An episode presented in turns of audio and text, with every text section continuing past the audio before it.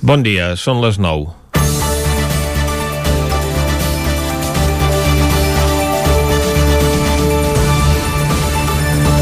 En la cimera dels líders a l'Aliança Atlàntica que va tenir lloc ahir a Brussel·les es va produir el primer contacte entre el president del govern espanyol, Pedro Sánchez, i el nou president dels Estats Units, Joe Biden. Des de la Moncloa havien fet córrer que tots els mandataris tenien molt interès en aprofitar l'ocasió per poder-se conèixer i saludar-se. I els equips dels dos governs es veu que ho tenien tot a punt perquè fos així. Des de la delegació espanyola ja havien advertit a les càmeres que estiguessin a la Guaire perquè recollissin el gran moment i el poguessin escampar als quatre vents. Doncs sí, quan ja tots els reporters prèviament advertits tenien l'ull a l'objectiu per recollir aquestes imatges històriques i havien pres fotos del posat a l'exterior de tots els participants de la trobada, es veu com Sánchez s'acosta a Biden i aquest amablement l'atén en compliment del que havia pactat el seu equip. Ara bé, de la suposada reunió del que havien de mantenir tots dos amb foto oficial inclosa, segons la delegació espanyola, res de res. El contacte es va reduir a un mer intercanvi de paraules amb la mascareta posada mentre anaven pel passadís des de l'exterior on es va fer la foto conjunta a la sala de reunions, sense que el president americà semblés prestar massa interès al seu interlocutor. És a dir, que la trobada entre els dos mandataris va durar menys de la meitat de temps del que ja portem del programa d'avui. Total que no hi va haver res de tots els temes de fons que Espanya volia tractar amb els Estats Units, perquè des de la Moncloa s'anunciava la trobada com una reunió per abordar qüestions de cooperació en matèria migratòria i garantir l'estabilitat al Mediterrani, l'Orient Mitjà i l'Amèrica Llatina. A Espanya li preocupa el problema diplomàtic que té amb les colònies africanes i la passivitat del govern del Marroc, que va permetre entrar fa gairebé un mes més de 10.000 persones a Ceuta, gran part d'ells menors. Segons va explicar Sánchez després, va tenir temps a felicitar Biden per posar en marxa una agenda progressista, de parlar de reforçar els llaços militars entre Espanya i els Estats Units, que es veu que convé molt, i dels problemes de Llatinoamèrica. Molts temes per tan poc temps. El servilisme espanyol cap als Estats Units no entén de partits ni de règims polítics. La mateixa devoció que senten els estadans populars a la Moncloa cap a un president americà republicà la tenen els socialistes quan l'estadan a la Casa Blanca és demòcrata però a Pedro Sánchez encara li queda molt de camí a recórrer per poder-se fer una foto amb un president americà posant els peus sobre la tauleta que hi havia davant del sofà que compartien, com va fer José María Aznar al costat de George Bush. Clar que aquella imatge de suposat estadista mundial li va costar a l'estat espanyol entrar en una guerra i la massacre de l'11M a Madrid com a resposta a la seva implicació. De situacions vergonyoses i ridícules n'està plena la relació entre Espanya i els Estats Units, però l'escena d'ahir a Brussel·les ni Berlanga l'hagués rodat millor. Comencem Territori 17, a la sintonia del 9 FM, la veu de Sant Joan, Ona Codinenca, Ràdio Cardedeu i el 9 TV. Territori 17, amb Vicenç Vigues i Jordi Sunyer. Són les 9 i 3 minuts del dimarts, dia 15 de juny de 2021. Comença ara mateix un nou Territori 17 que avui, com sempre, durant la primera hora us acostarà tota l'actualitat de les nostres comarques. Després, a partir de les 10, més informació. Avui tindrem el Buscat la Vida amb la Txela Falgueres, parlarem d'economia amb en Joan Carles Arredondo i avui acabarem parlant de medi ambient amb els companys del Centre d'Estudis dels Rius Mediterranis, amb el Marc Ordeig. Tot això i moltes coses més les farem des d'ara mateix i fins al punt de les 12 del migdia. I com sempre, el que toca per arrencar és fer un repàs a l'actualitat de les nostres comarques, les comarques del Ripollès, Osona, el Moianès i el Vallès Oriental.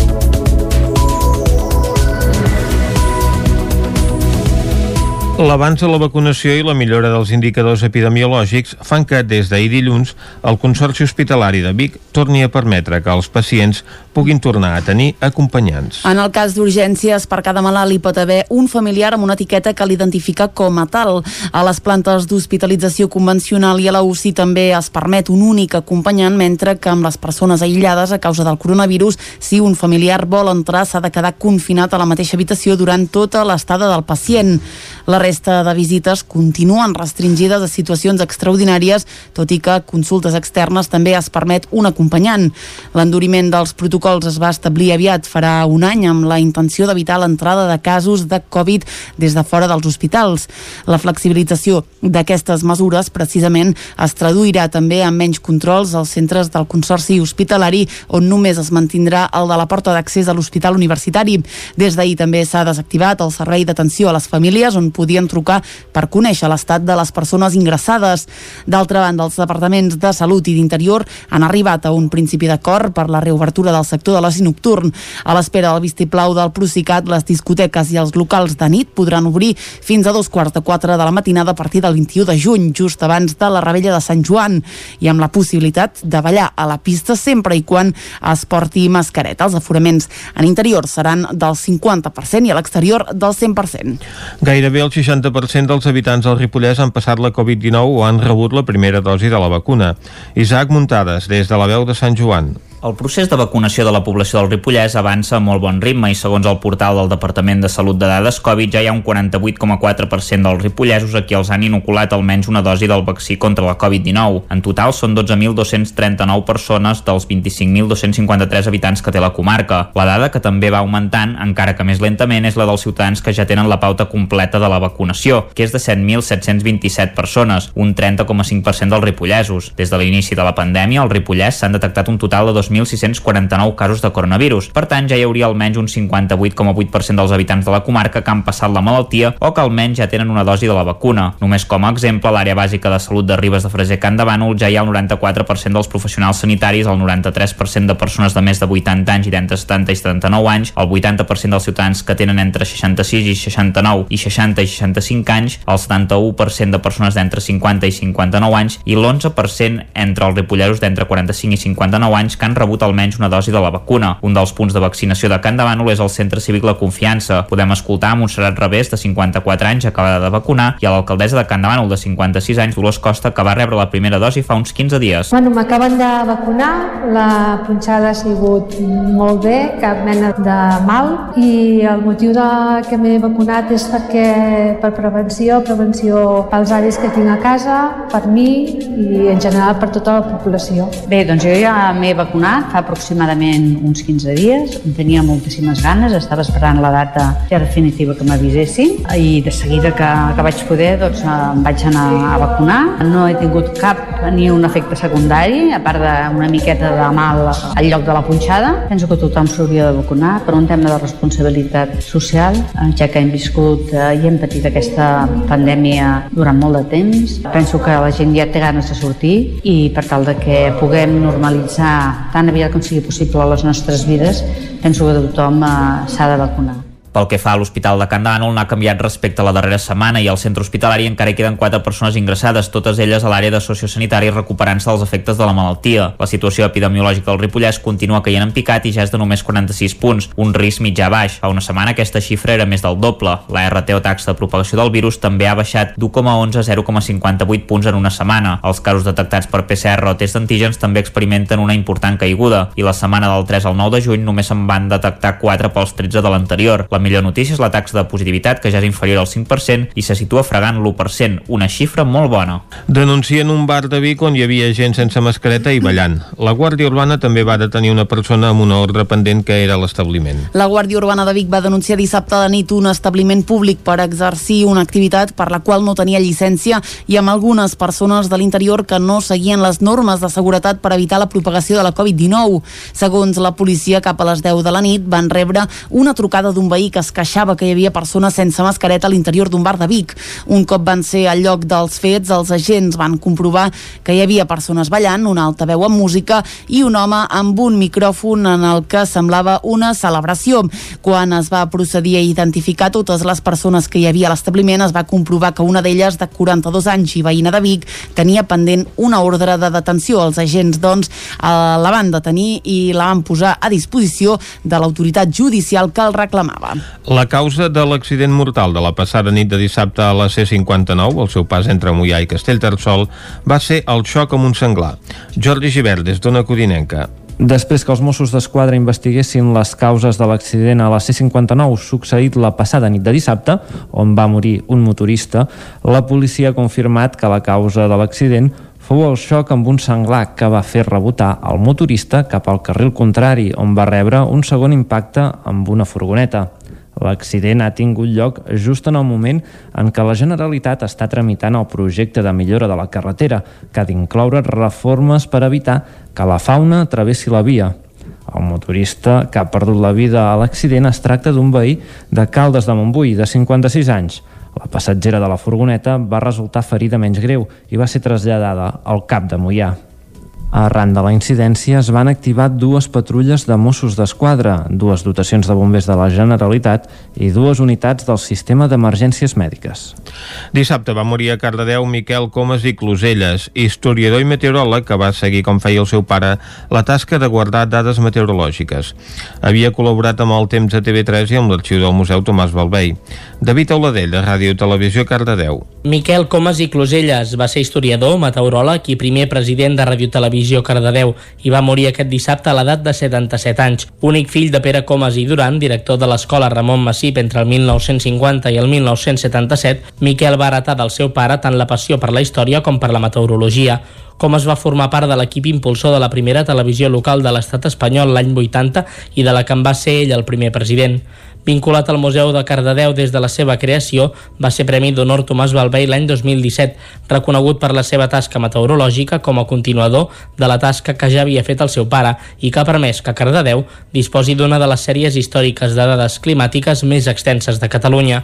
També va ser especialista en enregistrar la història del municipi a través del desenvolupament dels diferents arbres genealògics d'algunes de les famílies històriques de Cardedeu. Miquel Comas va ser acomiadat aquest diumenge en una cerimònia a l'església de Santa Maria de Cardedeu.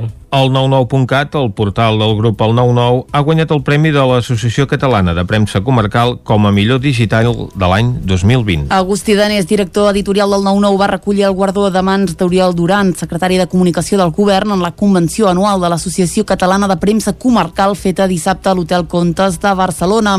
Durant l'acte, la revista manlleuenca Alter va rebre un reconeixement pel seu 25è aniversari aniversari.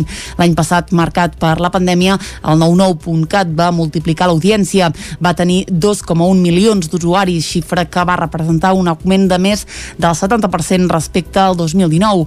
Els lectors en conjunt van arribar a visualitzar 14,8 milions de pàgines. Sentim per aquest ordre Agustí Danés, director editorial del 99, i a Francesc Fàbregas, president de l'Associació de Premsa Comarcal. Estem contents, agraïm molt aquest reconeixement que crec que és un, ens esperona diguem, a continuar millorant en els que venim, com és el cas del 9-9 de la tradició del paper, doncs anar fent aquesta transició digital, que l'estem fent, que no és fàcil, però nosaltres hem, hem incorporat en el, en el digital doncs, tot de vídeos, hem incorporat podcast, la tecnologia ens ha de permetre diguem, acabar fent millor periodisme, enriquir les peces que, que ja fem i que no és una amenaça, sinó que la tecnologia és un aliat i estem en aquesta línia. Hem d'estar presents amb totes les noves tecnologies que hi hagin, perquè aquest és el camí, no n'hi ha d'altre però també hem de tindre en compte que el paper, tot i que hi ha molta gent que té ganes de que ja d'una vegada per tots s'enterri, el paper que queden molts i molts i molts anys de vida, com així ho demostren tots els últims estudis. Agustí Danés posava en valor després de l'acte un premi que sobretot reconeix les successives millores incorporades per al grup, el 9-9, al mitjà digital. El Cabró Rock, el primer festival multitudinari de Catalunya que s'ha celebrat aquest cap de setmana a Vic, ha tancat la seva primera edició amb un èxit de públic. Tant divendres com dissabte, prop de 3.000 persones van omplir la zona esportiva de Vic.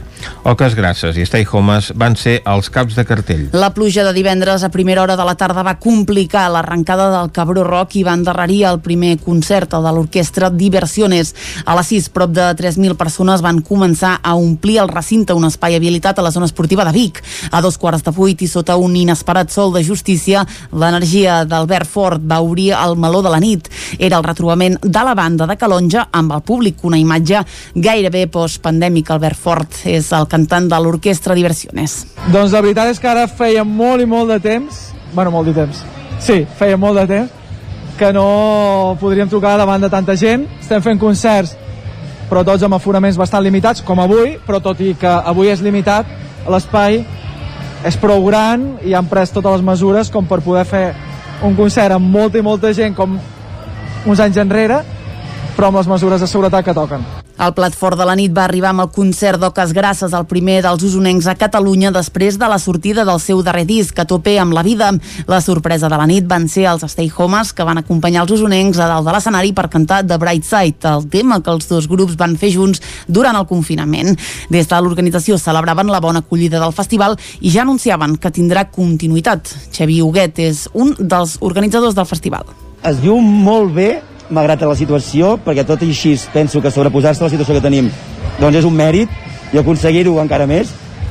I la veritat és que la idea que tenim de cada l'any que ve, les noves, les noves, les noves Cabra Rocks que hi hauran, és que creixi exponencialment, és que sigui un festival referenciat a Catalunya i l'any que ve la idea és bueno, multiplicar per 5 i 6 els grups que hi ha actualment. Vull dir, la idea és aquesta. Les ganes hi són, vull dir, això està clar.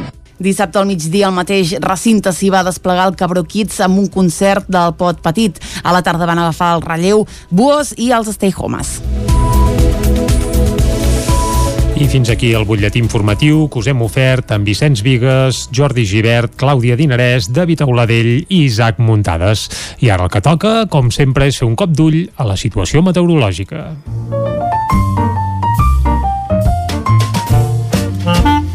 Casa Terradellos us ofereix el temps. I a Territori 17, quan parlem del temps, saludem en Pep Acosta, que no sabem si està gaire acalorat o no, però aquests darrers dies, déu nhi Bon dia, Pep.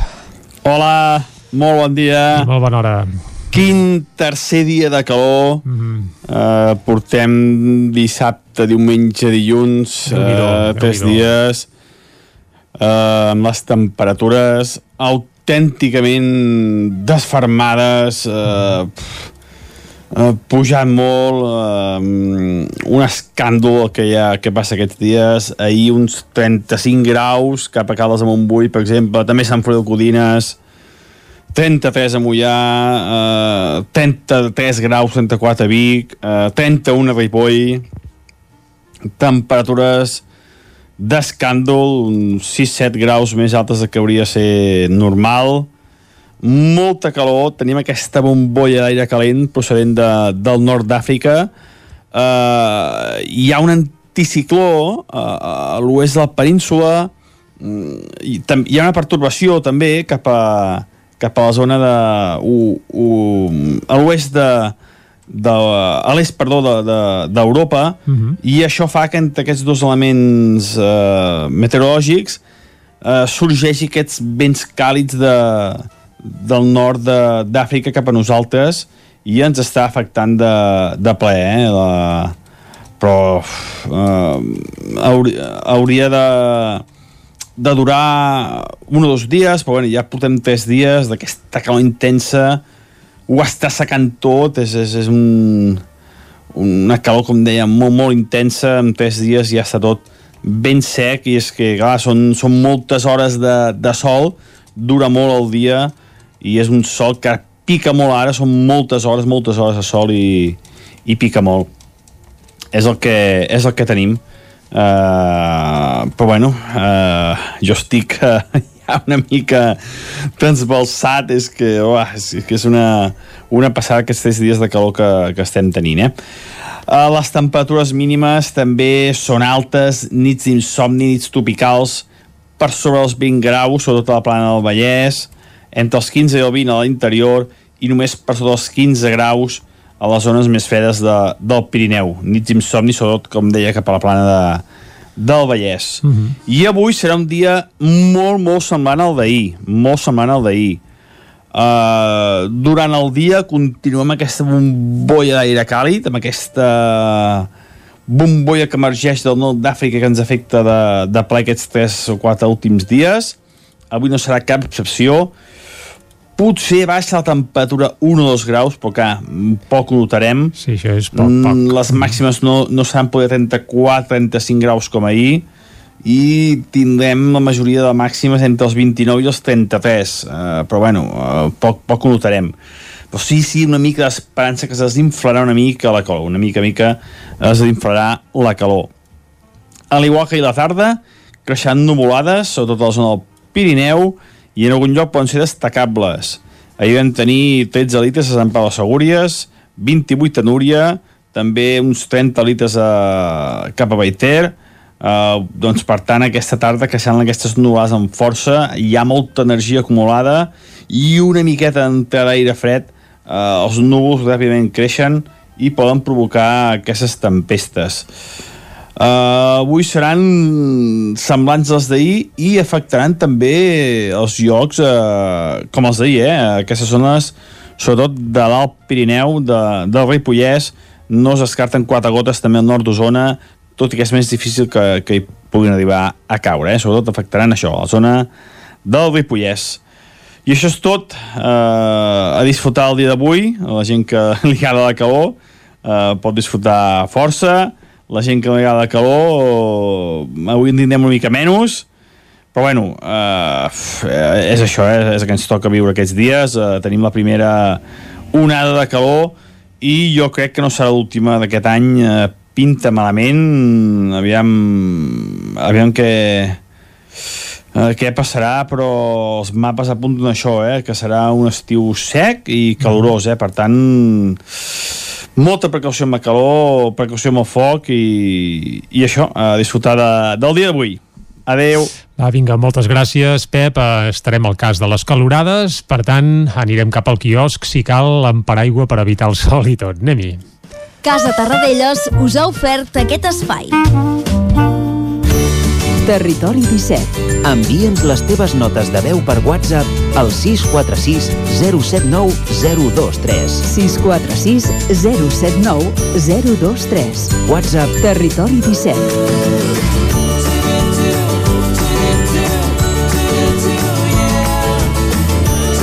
Territori 17. Som a Facebook, Twitter i Instagram amb l'usuari Territori 17.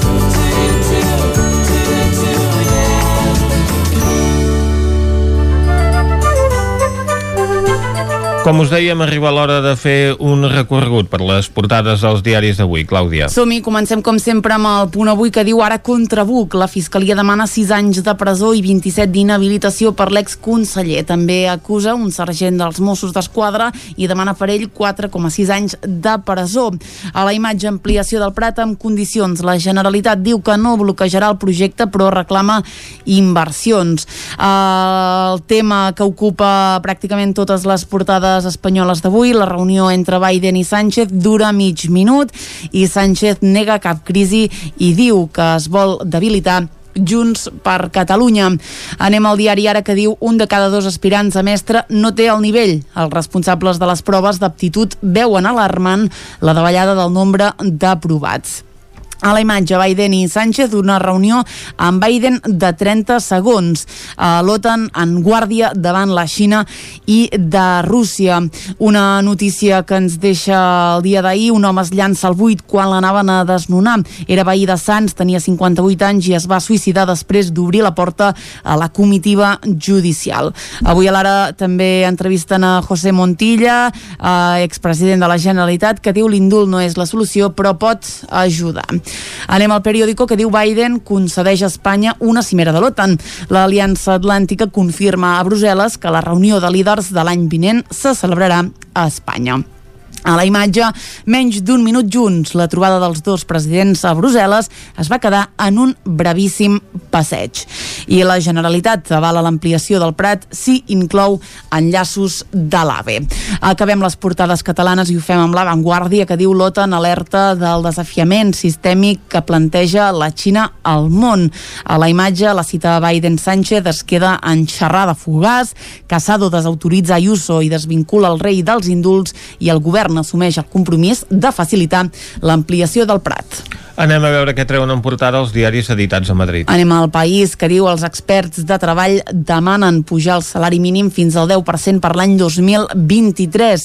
A la imatge, la trobada Biden-Sánchez, una conversa de passadís.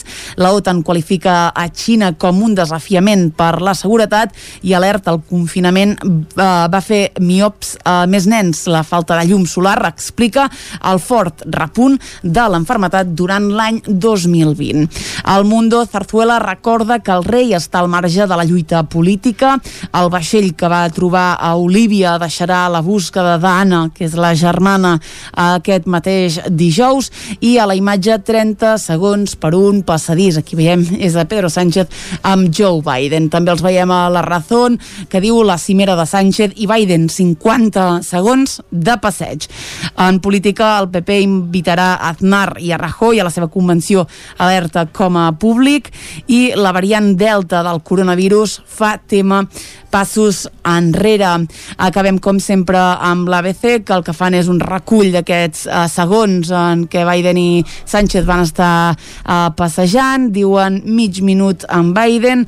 Moncloa converteix un breu recorregut eh, de camí a la foto oficial a Brussel·les en una trobada acordada entre Sánchez i el mandatari dels Estats Units no s'acaben de posar d'acord els diaris d'avui amb la durada d'aquesta trobada entre el president espanyol i el president americà entre 30 i 50 segons segons un o altre diari. En tot cas, tots destaquen que aquesta suposada cimera va durar menys d'un minut. És la fotografia de portada de pràcticament tots els diaris editats avui aquesta fotografia del passeig que van mantenir al passadís eh, entre l'exterior on es va fer la foto de grup dels participants a la cimera i l'interior de la sala de reunions.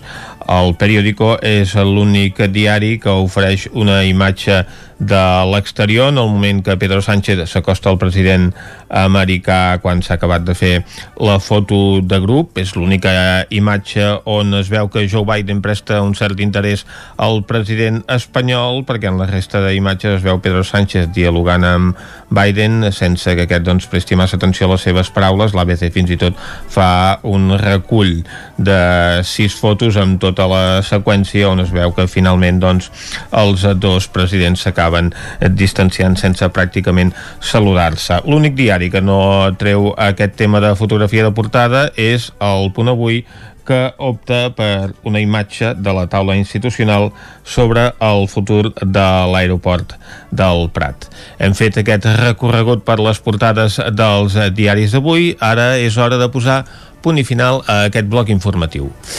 Exacte, doncs posem punt i final al bloc informatiu, fem ara una breu pausa de 3 minutets i tornem de seguida aquí a Territori 17 amb més informació. Fins ara.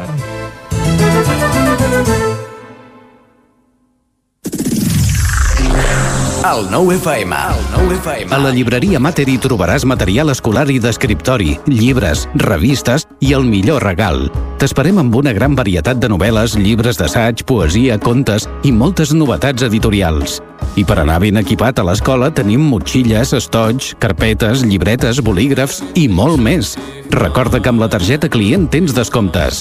Mater, llibreters amb vocació des de 1957. Llibreria Mater. Ens trobaràs al carrer Pla de Balanyà número 23 de Vic i a mater.cat.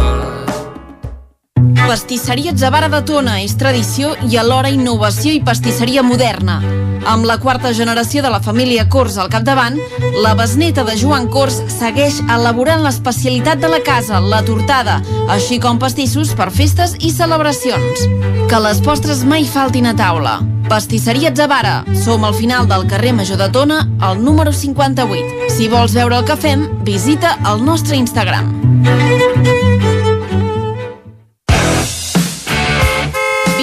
Autoscola Montseny. Ara és el moment de fer els cursos de teòrica intensius, ràpid i eficaç. T'informarem dels PACs, permís de moto de 16 i 18 anys i permís de cotxe. I si vens a veure'ns, tindràs un obsequi. Apunta't i no t'ho pensis més. Per més informació, Autoscola Montseny, Rambla de Vallades, número 13 de Vic. Busca'ns a Instagram i Facebook. Al racó del León i celebra la revitlla de Sant Joan. Menú especial, coca de Sant Joan i llangonissa per tothom. Gaudeix de la revella de Sant Joan al racó del León, carrer Torelló, número 35 de Vic.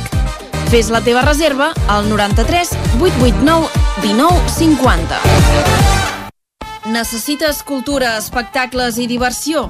Neix el Clec Fest, el primer festival rural xic de la comarca. A Santa Eulàlia de Riu Primer els dissabtes 19 i 26 de juny i 10 i 17 de juliol. Circ, màgia, improvisació, música i molt bon rotllo. Fes cultura, fes estiu, fes Riu Primer, fes Clec. Tota la programació a l'Instagram arroba Clec Festival Riu Primer. Radella de Sant Joan, al restaurant Casa Vostra. Sopar, música en directe amb Joan Aromí, fi de festa amb coca, llangonissa i cava. Vine i disfruta de la Ravella de Sant Joan amb un bon sopar i la millor música. Restaurant Casa Vostra al carrer Pla de Balanyà, número 18 de Vic. Fes la teva reserva al 639 355 320.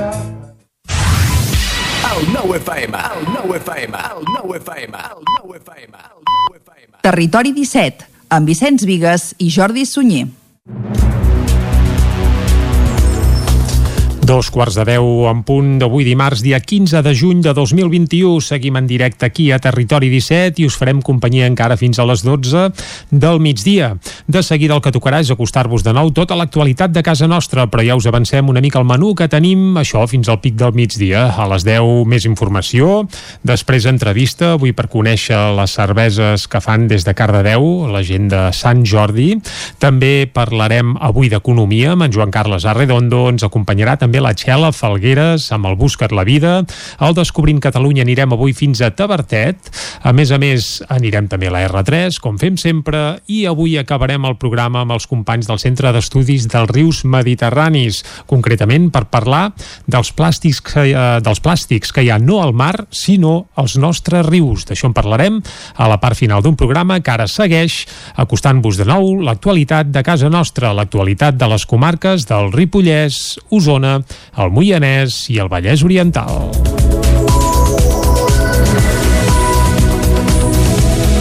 L'avanç de la vacunació i la millora dels indicadors epidemiològics fan que des d'ahir dilluns el Consorci Hospitalari de Vic torni a permetre que els pacients puguin tornar a tenir acompanyants. En el cas d'urgències, per cada malalt hi pot haver un familiar amb una etiqueta que l'identifica com a tal. A les plantes d'hospitalització convencional i a la UCI també es permet un únic acompanyant, mentre que amb les persones aïllades a causa del coronavirus, si un familiar vol entrar, s'ha de quedar confinat a la mateixa habitació durant tota l'estada del pacient. La resta de visites continuen restringides a situacions extraordinàries, tot i que consultes externes també es permet un acompanyant.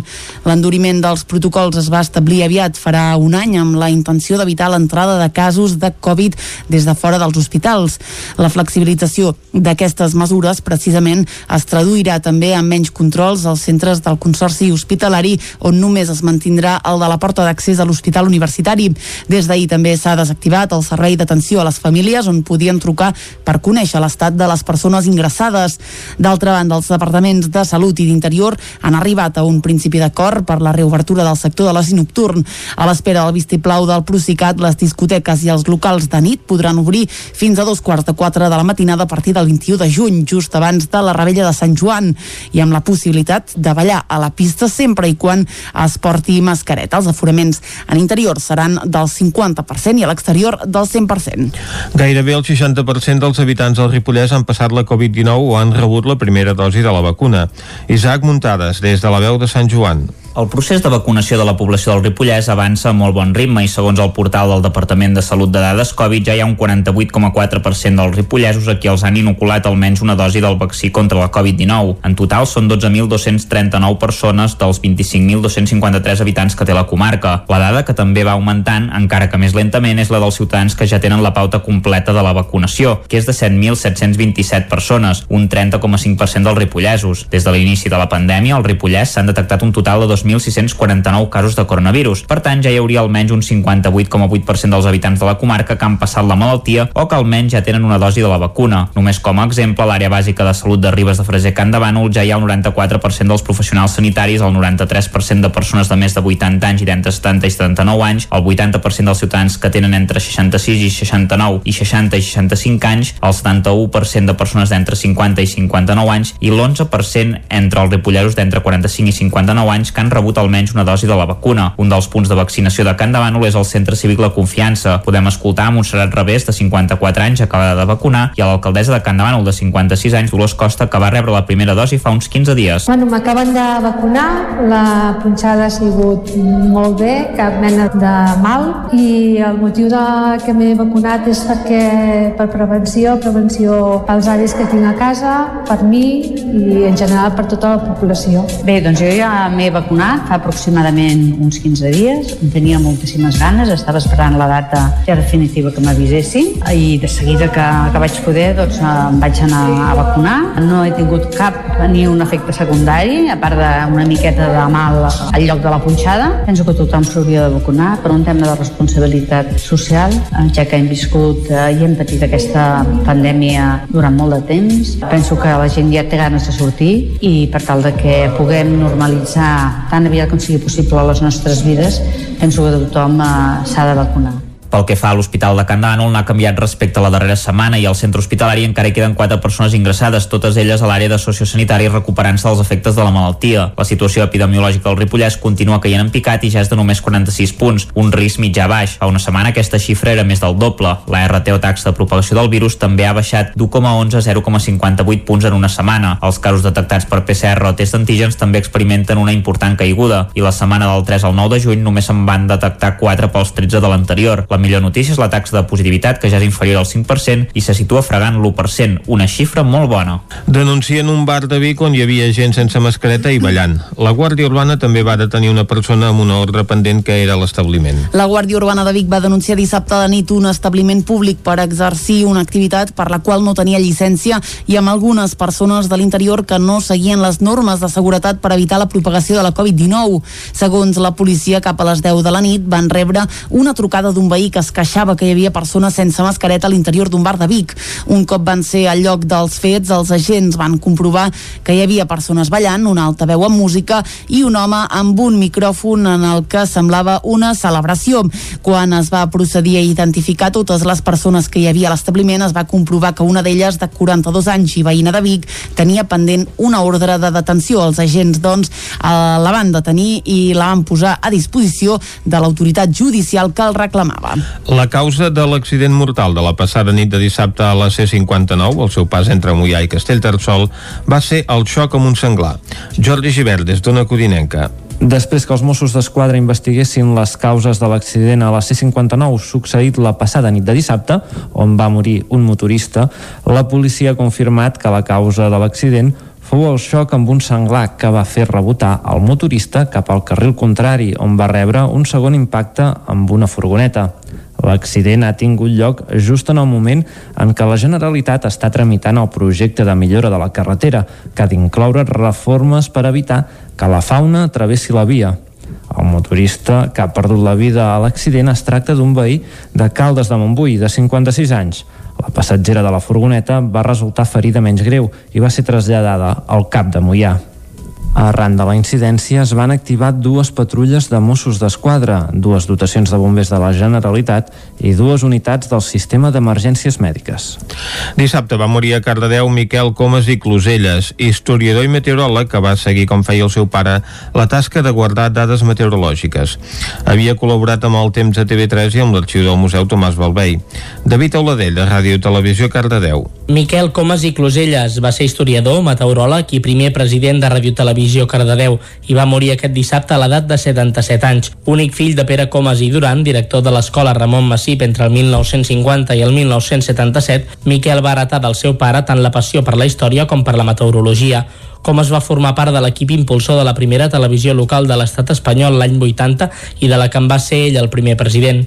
Vinculat al Museu de Cardedeu des de la seva creació, va ser Premi d'Honor Tomàs Balvei l'any 2017, reconegut per la seva tasca meteorològica com a continuador de la tasca que ja havia fet el seu pare i que ha permès que Cardedeu disposi d'una de les sèries històriques de dades climàtiques més extenses de Catalunya.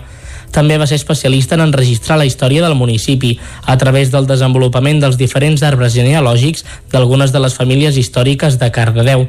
Miquel Comas va ser acomiadat aquest diumenge en una cerimònia a l'església de Santa Maria de Cardedeu.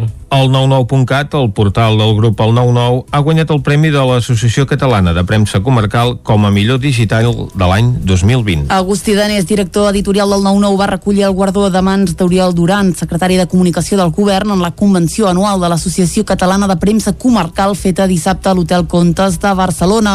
Durant l'acte, la revista manlleuenca El Ter va rebre un reconeixement pel seu 25è aniversari. L'any passat, marcat per la pandèmia, el 99.cat va multiplicar l'audiència. Va tenir 2,1 milions d'usuaris, xifra que va representar un augment de més del 70% respecte al 2019. Els lectors en conjunt van arribar a visualitzar 14,8 milions de pàgines. Sentim per aquest ordre Agustí Danés, director editorial del 99, i a Francesc Fàbregas, president de l'Associació de Premsa Comarcal. Estem contents, agraïm molt aquest reconeixement que crec que és un, ens esperona diguem, a continuar millorant en els que venim, com és el cas del 9-9 de la tradició del paper, doncs anar fent aquesta transició digital, que l'estem fent, que no és fàcil, però nosaltres hem, hem incorporat en el, en el digital doncs, tot de vídeos, hem incorporat podcast, que la tecnologia ens ha de permetre diguem, acabar fent millor periodisme, enriquir les peces que, que ja fem i que no és una amenaça, sinó que la tecnologia és un aliat i estem en aquesta línia. Hem d'estar presents amb totes les noves tecnologies que hi hagin, perquè aquest és el camí, no n'hi ha d'altre però també hem de tindre en compte que el paper, tot i que hi ha molta gent que té ganes de que ja d'una vegada per tots s'enterri, el paper que queden molts i molts i molts anys de vida, com així ho demostren tots els últims estudis. Agustí Danés posava en valor després de l'acte un premi que sobretot reconeix les successives millores incorporades per al grup, el 9-9, al mitjà digital. El Cabró Rock, el primer festival multitudinari de Catalunya que s'ha celebrat aquest cap de setmana a Vic, ha tancat la seva primera edició amb un èxit de públic. Tant divendres com dissabte, prop de 3.000 persones van omplir la zona esportiva de Vic. Oques Grasses i Stay Homes van ser els caps de cartell. La pluja de divendres a primera hora de la tarda va complicar l'arrencada del Cabró Rock i va endarrerir el primer concert, de l'orquestra Diversiones. A les 6, prop de 3.000 persones van començar a omplir el recinte, un espai habilitat a la zona esportiva de Vic.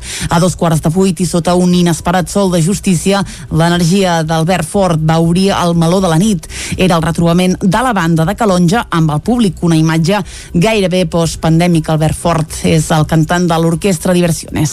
Doncs la veritat és que ara feia molt i molt de temps, bueno, molt de temps, sí, feia molt de temps, que no podríem trucar davant de tanta gent. Estem fent concerts, però tots amb aforaments bastant limitats, com avui, però tot i que avui és limitat, l'espai és prou gran i han pres totes les mesures com per poder fer un concert amb molta i molta gent com uns anys enrere però amb les mesures de seguretat que toquen. El plat fort de la nit va arribar amb el concert d'Oques Grasses, el primer dels usonencs a Catalunya després de la sortida del seu darrer disc, a tope amb la vida. La sorpresa de la nit van ser els Stay Homes, que van acompanyar els usonencs a dalt de l'escenari per cantar The Bright Side, el tema que els dos grups van fer junts durant el confinament. Des de l'organització celebraven la bona acollida del festival i ja anunciaven que tindrà continuïtat. Xavi Huguet és un dels organitzadors del festival. Es diu molt bé malgrat la situació, perquè tot i així penso que sobreposar-se a la situació que tenim doncs és un mèrit i aconseguir-ho encara més. I la veritat és que la idea que tenim de cada l'any que ve les noves, les noves, les noves Cabro Rocks que hi hauran és que creixi exponencialment, és que sigui un festival referenciat a Catalunya i l'any que ve la idea és bueno, multiplicar per 5 i 6 els grups que hi ha actualment. Vull dir, la idea és aquesta. Les ganes hi són, vull dir, això està clar Dissabte al migdia al mateix recinte s'hi va desplegar el Cabró Kids amb un concert del Pot Petit. A la tarda van agafar el relleu Buos i els Stay Homes. I fins aquí el butlletí informatiu que us hem ofert amb Vicenç Vigues, Jordi Givert, Clàudia Dinarès, David Auladell i Isaac Muntades. I ara el que toca, com sempre, és fer un cop d'ull a la situació meteorològica.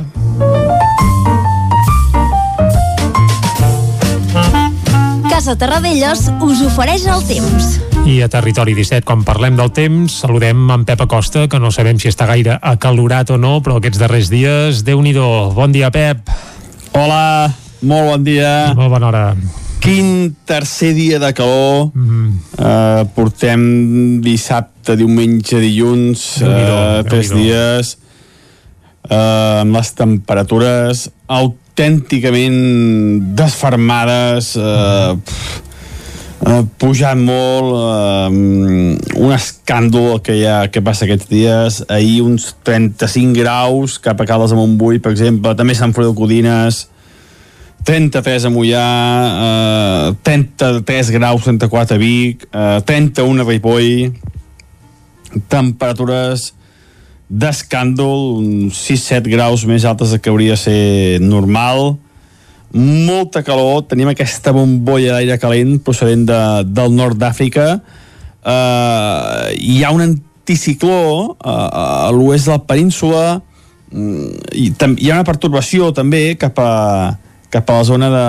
U, u, a l'oest de, de, a l'est, perdó, d'Europa, de, de, uh -huh. i això fa que entre aquests dos elements eh, meteorològics eh, sorgeixi aquests vents càlids de, del nord d'Àfrica cap a nosaltres i ens està afectant de, de ple, eh? La, però eh, hauria, hauria de de durar un o dos dies, però bueno, ja portem tres dies d'aquesta calor intensa, ho està secant tot, és, és, és un, una calor, com deia, molt, molt intensa, en tres dies ja està tot ben sec, i és que, clar, són, són moltes hores de, de sol, dura molt el dia, i és un sol que pica molt ara, són moltes hores, moltes hores de sol i, i pica molt.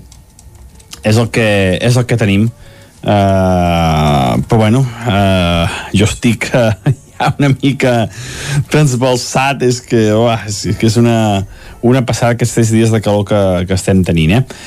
Uh, les temperatures mínimes també són altes, nits d'insomni, nits tropicals, per sobre els 20 graus, sobretot a la plana del Vallès, entre els 15 i el 20 a l'interior, i només per sota els 15 graus a les zones més fredes de, del Pirineu. Nits d'insomni, sobretot, com deia, cap a la plana de, del Vallès. Uh -huh. I avui serà un dia molt, molt semblant al d'ahir. Molt semblant al d'ahir. Uh, durant el dia continuem aquesta bombolla d'aire càlid, amb aquesta bombolla que emergeix del nord d'Àfrica que ens afecta de, de ple aquests 3 o 4 últims dies. Avui no serà cap excepció potser baixa la temperatura 1 o 2 graus, però que poc ho notarem. Sí, això és poc, poc. Mm, les màximes no, no seran poder 34-35 graus com ahir, i tindrem la majoria de màximes entre els 29 i els 33 uh, però bueno, uh, poc, poc ho notarem però sí, sí, una mica d'esperança que es desinflarà una mica la calor una mica, mica es desinflarà la calor a l'igual que ahir la tarda creixant nuvolades, sobretot a la zona del Pirineu i en algun lloc poden ser destacables. Ahir vam tenir 13 litres a Sant Pau de Segúries 28 a Núria també uns 30 litres a, cap a Baiter. Uh, doncs per tant aquesta tarda que seran aquestes nuades amb força hi ha molta energia acumulada i una miqueta entre l'aire fred uh, els núvols ràpidament creixen i poden provocar aquestes tempestes uh, avui seran semblants als d'ahir i afectaran també els llocs uh, com els d'ahir eh? aquestes zones sobretot de l'Alt Pirineu de, del Ripollès no es descarten quatre gotes també al nord d'Osona tot i que és més difícil que, que hi puguin arribar a caure, eh? sobretot afectaran això, la zona del Ripollès. I això és tot, eh, a disfrutar el dia d'avui, la gent que li agrada la calor eh, pot disfrutar força, la gent que li agrada calor avui en tindrem una mica menys, però bueno, eh, és això, eh, és el que ens toca viure aquests dies, eh, tenim la primera onada de calor i jo crec que no serà l'última d'aquest any. Eh, pinta malament. Aviam aviam què eh, què passarà però els mapes apunten això eh, que serà un estiu sec i calorós eh, per tant molta precaució amb el calor precaució amb el foc i, i això, a disfrutar de, del dia d'avui Adeu. Va, vinga, moltes gràcies, Pep. Eh, estarem al cas de les calorades, per tant, anirem cap al quiosc, si cal, amb paraigua per evitar el sol i tot. Anem-hi. Casa Tarradellas us ha ofert aquest espai. Territori 17. Envia'ns les teves notes de veu per WhatsApp al 646 079 023. 646 079 023. WhatsApp Territori 17.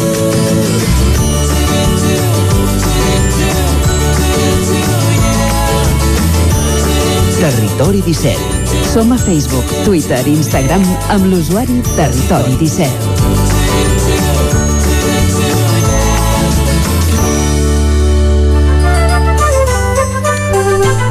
Com us dèiem, arriba l'hora de fer un recorregut per les portades dels diaris d'avui. Clàudia. Som-hi, comencem com sempre amb el punt avui que diu ara contra Buc. La Fiscalia demana 6 anys de presó i 27 d'inhabilitació per l'exconseller. També acusa un sergent dels Mossos d'Esquadra i demana per ell 4,6 anys de presó. A la imatge ampliació del Prat amb condicions. La Generalitat diu que no bloquejarà el projecte però reclama inversions. El tema que ocupa pràcticament totes les portades espanyoles d'avui, la reunió entre Biden i Sánchez dura mig minut i Sánchez nega cap crisi i diu que es vol debilitar Junts per Catalunya. Anem al diari ara que diu un de cada dos aspirants a mestre no té el nivell. Els responsables de les proves d'aptitud veuen alarmant la davallada del nombre d'aprovats. A la imatge, Biden i Sánchez, una reunió amb Biden de 30 segons. L'OTAN en guàrdia davant la Xina i de Rússia. Una notícia que ens deixa el dia d'ahir. Un home es llança al buit quan l'anaven a desnonar. Era veí de Sants, tenia 58 anys i es va suïcidar després d'obrir la porta a la comitiva judicial. Avui a l'ara també entrevisten a José Montilla, eh, expresident de la Generalitat, que diu l'indult no és la solució, però pot ajudar. Anem al periòdico que diu Biden concedeix a Espanya una cimera de l'OTAN. L'Aliança Atlàntica confirma a Brussel·les que la reunió de líders de l'any vinent se celebrarà a Espanya. A la imatge, menys d'un minut junts, la trobada dels dos presidents a Brussel·les es va quedar en un brevíssim passeig. I la Generalitat avala l'ampliació del Prat si inclou enllaços de l'AVE. Acabem les portades catalanes i ho fem amb l'avantguàrdia que diu l'OTAN alerta del desafiament sistèmic que planteja la Xina al món. A la imatge, la cita de Biden-Sánchez es queda en xerrada fugaz, Casado desautoritza Ayuso i desvincula el rei dels indults i el govern assumeix el compromís de facilitar l'ampliació del Prat.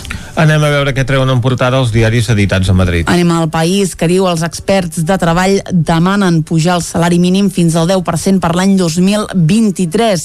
A la imatge, la trobada Biden-Sánchez, una conversa de passadís. La OTAN qualifica a Xina com un desafiament per la seguretat i alerta el confinament eh, va fer miops a més nens. La falta de llum solar explica el fort repunt de l'enfermetat durant l'any 2020. El Mundo Zarzuela recorda que el rei està al marge de la lluita política. El vaixell que va trobar a Olívia deixarà la búsqueda d'Anna, que és la germana, aquest mateix dijous. I a la imatge 30 segons per un passadís. Aquí veiem és de Pedro Sánchez amb Joe Biden. També els veiem a la Razón, que diu la cimera de Sánchez i Biden, 50 segons de passeig. En política, el PP invitarà a Aznar i a Rajoy a la seva convenció alerta com a públic i la variant Delta del coronavirus fa tema passos enrere. Acabem, com sempre, amb l'ABC, que el que fan és un recull d'aquests eh, segons en què Biden i Sánchez van estar eh, passejant. Diuen mig minut amb Biden.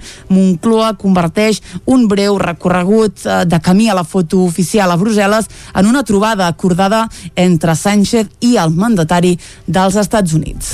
No s'acaben de posar d'acord els diaris d'avui amb la durada d'aquesta trobada entre el president espanyol i el president americà entre 30 i 50 segons segons un o altre diari. En tot cas, tots destaquen que aquesta suposada cimera va durar menys d'un minut. És la fotografia de portada de pràcticament tots els diaris editats avui aquesta fotografia del passeig que van mantenir al passadís eh, entre l'exterior on es va fer la foto de grup dels participants a la cimera i l'interior de la sala de reunions.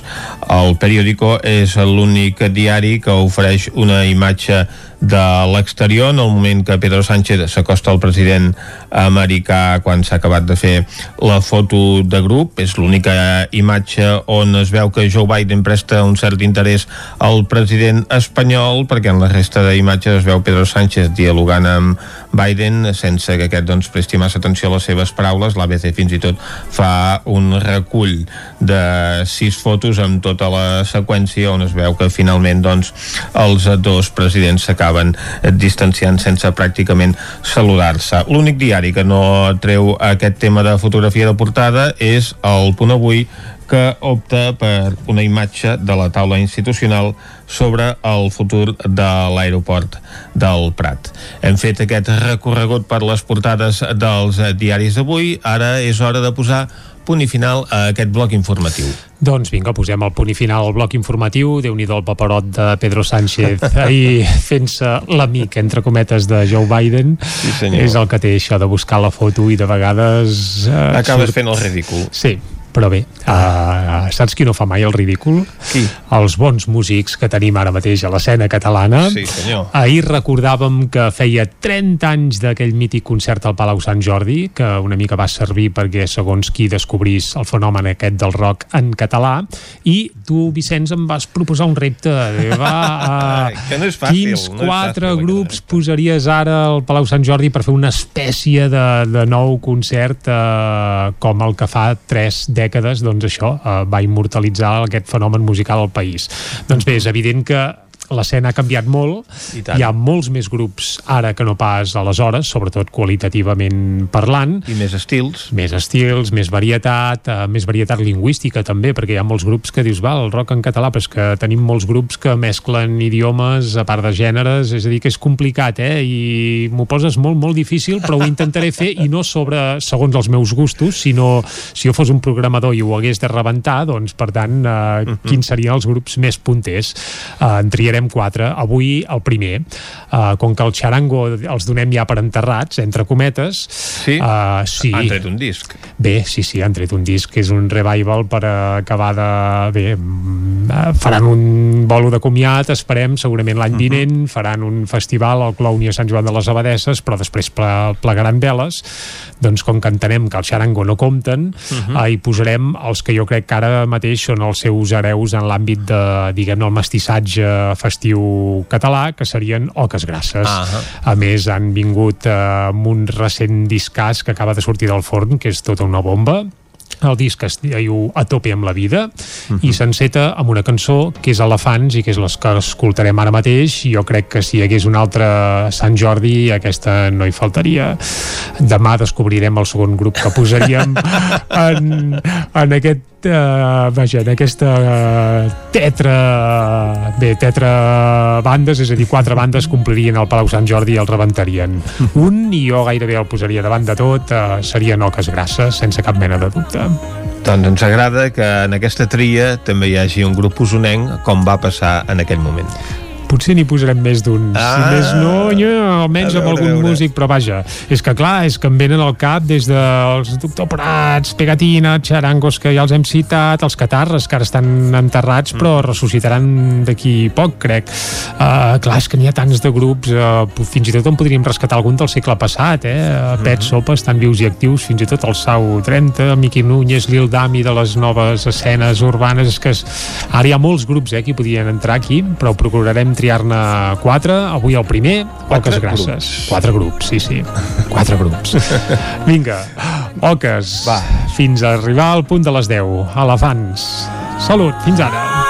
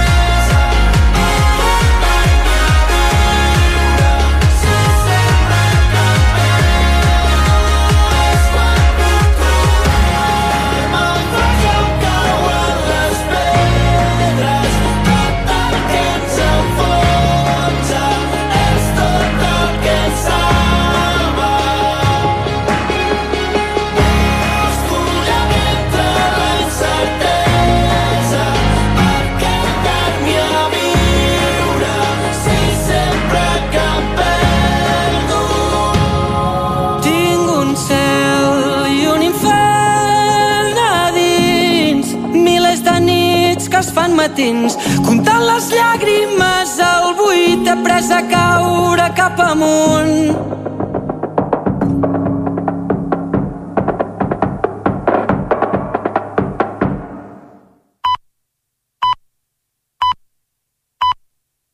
La informació de les nostres comarques, les comarques del Ripollès, Osona, el Moianès i el Vallès Oriental.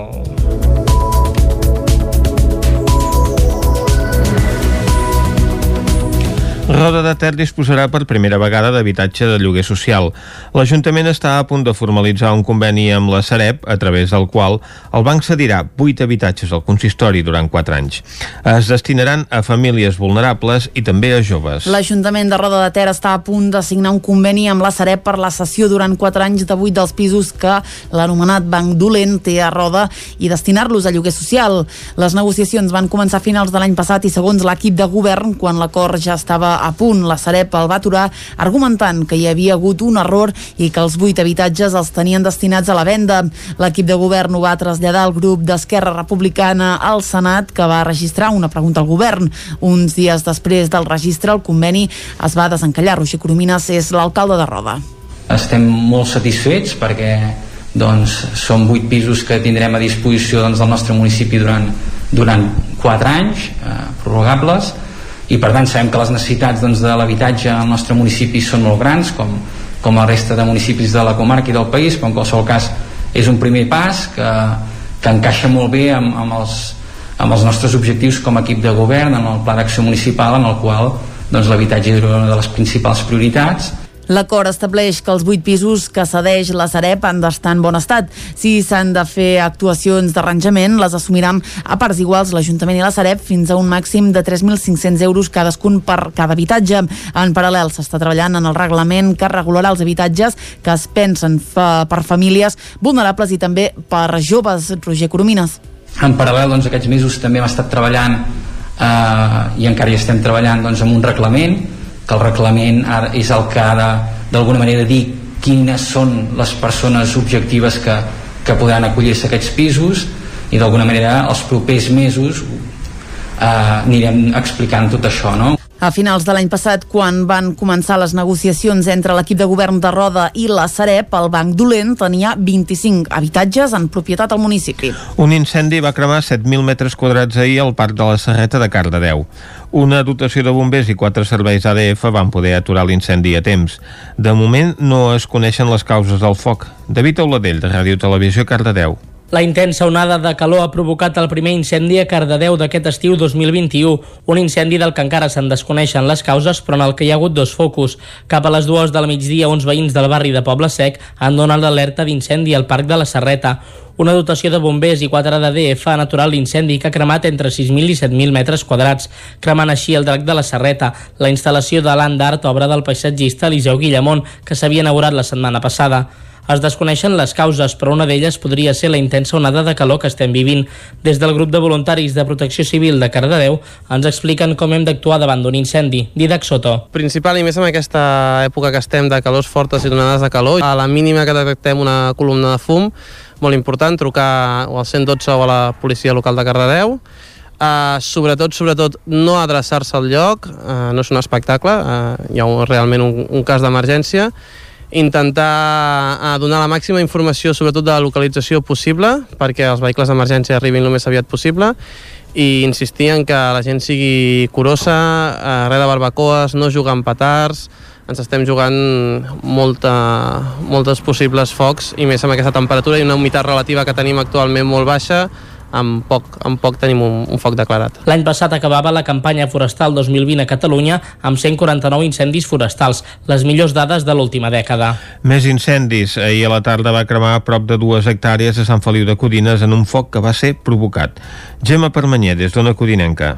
Voluntaris forestals de Sant Feliu de Codines i agents rurals fan una crida a la prudència a l'hora de llançar petards després d'un foc que ha cremat dues hectàrees de matolls al nucli urbà de Sant Feliu la tarda d'aquest dilluns. El foc s'ha produït a quarts de set com a conseqüència d'un petard que un grup de menors ha llançat al voral del camí de l'Era Nova. Escoltem el president del grup de voluntaris forestals, Jordi Joan. Eh, hem tingut aquest primer ensurt, per sort l'hem pogut agafar a temps, però si no l'agafes a temps doncs això pot esdevenir un gran foc i el risc de foc aquests dies serà elevadíssim. Penseu que portem dos dies de calor forta només i ja tenim aquest foc i ara ens esperen encara dos o tres dies més de calor, però si no plou eh, aquest any podem tenir algun ensurt molt gran. Així que sí que agrairia doncs, a tothom que no tiri petards i sobretot que la nit de Sant Joan no es tirin coets, que és un perill molt gran. El foc s'ha pogut extingir en una hora i mitja per la ràpida reacció dels cossos d'emergències. A l'extinció de l'incendi hi han participat una dotació dels bombers de Caldes, tres de les ADF de la zona i els voluntaris forestals. La superfície cremada són matolls i arbres fruiters com oliveres i ametllers. Sobi, una empresa de maquinària agrícola de Vic, idea una màquina que tria i treu sola les males herbes dels camps. La van presentar fa uns dies en una fira a Mollerussa. Per treure les males herbes dels camps de cultiu hi ha dues maneres, arrencant-les manualment o amb productes químics que les maten, però per normativa europea els productes químics quedaran prohibits en els propers anys i no fan cap bé al sol. Davant d'això, els responsables de l'empresa de maquinària agrícola Sobi de Vic, la Green Line, una màquina desarbradora que amb l'ajuda de la intel·ligència artificial detecta quin és el cultiu a preservar i arrenca les males herbes. La fabricació d'aquesta eina es fa als tallers de Sobi a Vic i durant la fira que es va fer fa uns dies a Mollerussa on es va presentar va tenir molt bona acceptació. Des de Sobi expliquen que al mercat espanyol no hi ha encara res semblant, tot i que sí al mercat alemany. La Green Line val entre 50.000 i 70.000 euros i ha estat ideada i construïda a Vic. L'empresa Sobi va néixer l'any 2010 de la mà de Jordi Vilella, enginyer qui s'encarrega de la part comercial, i Pau Soler, responsable de manteniment. Des de fa 3 anys volten l'1,5 milions d'euros de facturació i el darrer any, tot i la Covid, han ampliat la plantilla i han passat de 7 a 9 treballadors. L'enginyeria Conovesa de Vic obre una delegació al País Basc. L'empresa bigatana va néixer fa 13 anys i té una cinquantena de treballadors. La consultora i enginyera Conovesa Grup de Vic ha obert una delegació a Bilbao, al País Basc, per donar cobertura als clients de la zona nord i centre de l'estat espanyol. És la primera delegació que obre aquesta empresa, que va néixer fa 13 anys, a l'inici de la crisi financera de la mà de Josep Novelles i Emma Conill. Conovesa, amb una cinquantena de treballadors, s'ha especialitzat en el sector agroalimentari amb una divisió d'assessorament a la gestió alimentària amb el nom de Food Food Control, per, però també compta, perdoneu, amb especialistes a les àrees de l'enginyeria agronòmica, industrial, civil, ambiental i en les d'arquitectura i enologia. En funció de la demanda dels clients, ofereix uns serveis o altres i alguns d'aquests ja són clau en mà que permet contractar un servei integral assumint la responsabilitat de qualsevol obra industrial. Això inclou la relació amb les administracions públiques tant per permisos com per ajuts als projectes. Per als seus projectes, alguns països africans utilitzen utilitza l'entorn BIM, una metodologia de treball que permet crear models virtuals i aplicar la tecnologia de la indústria 4.0 per millorar la planificació de la producció i disminuir el nombre de possibles imprevistos. El disc El Gran Ball de Charango ja està disponible a totes les plataformes digitals. Isaac Muntades, des de la veu de Sant Joan. Aquest diumenge, el grup de música ripollès i usonenc Charango va compartir el seu últim disc, El Gran Ball, en format digital a totes les plataformes com Spotify o YouTube. Es tracta d'un disc doble amb 27 cançons que formen part d'una edició física limitada, de la qual se'n van vendre les 23.500 còpies que hi havia disponibles. Charango va gravar El Gran Ball per compensar a totes aquelles persones que havien comprat entrades per la gira de comiat al Gran Cir del 2020 i que la pandèmia va obligar primer a ajornar-la i després a suspendre-la definitivament. S'havien venut un total de 100.000 entrades entre tots els concerts i es va proposar als fans que les havien comprat que les bescanviessin per un exemplar d'aquest disc. Alhora es va posar a la venda a la seva pàgina web durant un temps limitat. Aquest disc recupera les cançons més emblemàtiques de Charango i compta amb col·laboracions d'un total de 51 artistes, entre els quals hi ha Gerard Quintana, Lluís Gavaldà, Joan Garriga, Doctor Prat, Judit Nederman, Miqui Núñez, Ramon Miravet, Stay Homes, Andrea Motis, Alba Retxe, Jarabe de Palo, Lluís Llach i Joan Dausà, entre molts altres. Podem escoltar Compte amb mi amb Judit Nederman, Quan tots s'enlaire amb Andrea Motis i a la deriva amb artistes com Doctor Prats, Pupiles o Germà. I tu i jo. En una ciutat gelada desfent la neu a dins dels teus llençols. I tu i jo. Fins que se't curin les ales jo seré aquí espantant els teus malsons. Compta amb mi els dies de lluita. Però jo mai, mai, mai, mai. Quan tot s'enlaira toco els somnis de puntetes. Junts podem arribar més lluny més lluny. Un llarg viatge il·lusions dins les maletes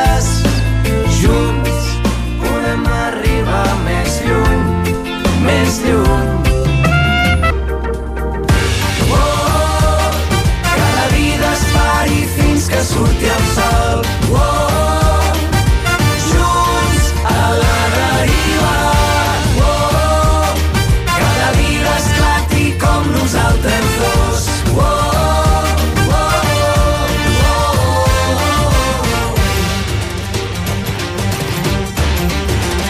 També cal destacar que Charango ha rebut dos discs d'or per les més de 20.000 unitats venudes del seu darrer disc d'estudi de Beniales, que es va editar durant el mes de juny de l'any passat, i per al Gran Ball. Doncs amb música acabem el butlletí informatiu de les 10 que us hem ofert amb Vicenç Vigues, Clàudia Dinarès, David Auladell, Gemma Permanyer i Isaac Muntades. I ara el que toca és refrescar de nou la informació meteorològica, refrescar tant de bo, fort refrescar, però vaja, us l'acostem de nou, com sempre, de la mà d'en Pep Acosta.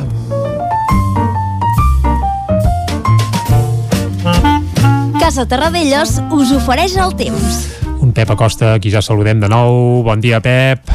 Hola, molt bon dia. I molt bona hora. Quin tercer dia de calor.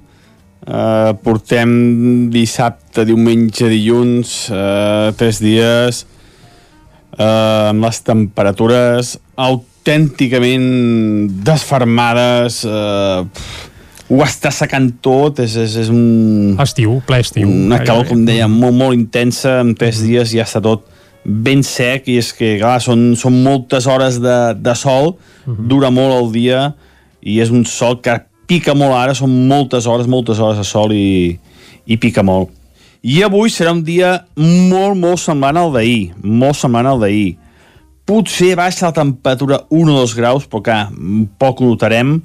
Mm, Les màximes no, no seran poder 34-35 graus com ahir, i tindrem la majoria de màximes entre els 29 i els 33 uh, però bueno, uh, poc, poc ho notarem.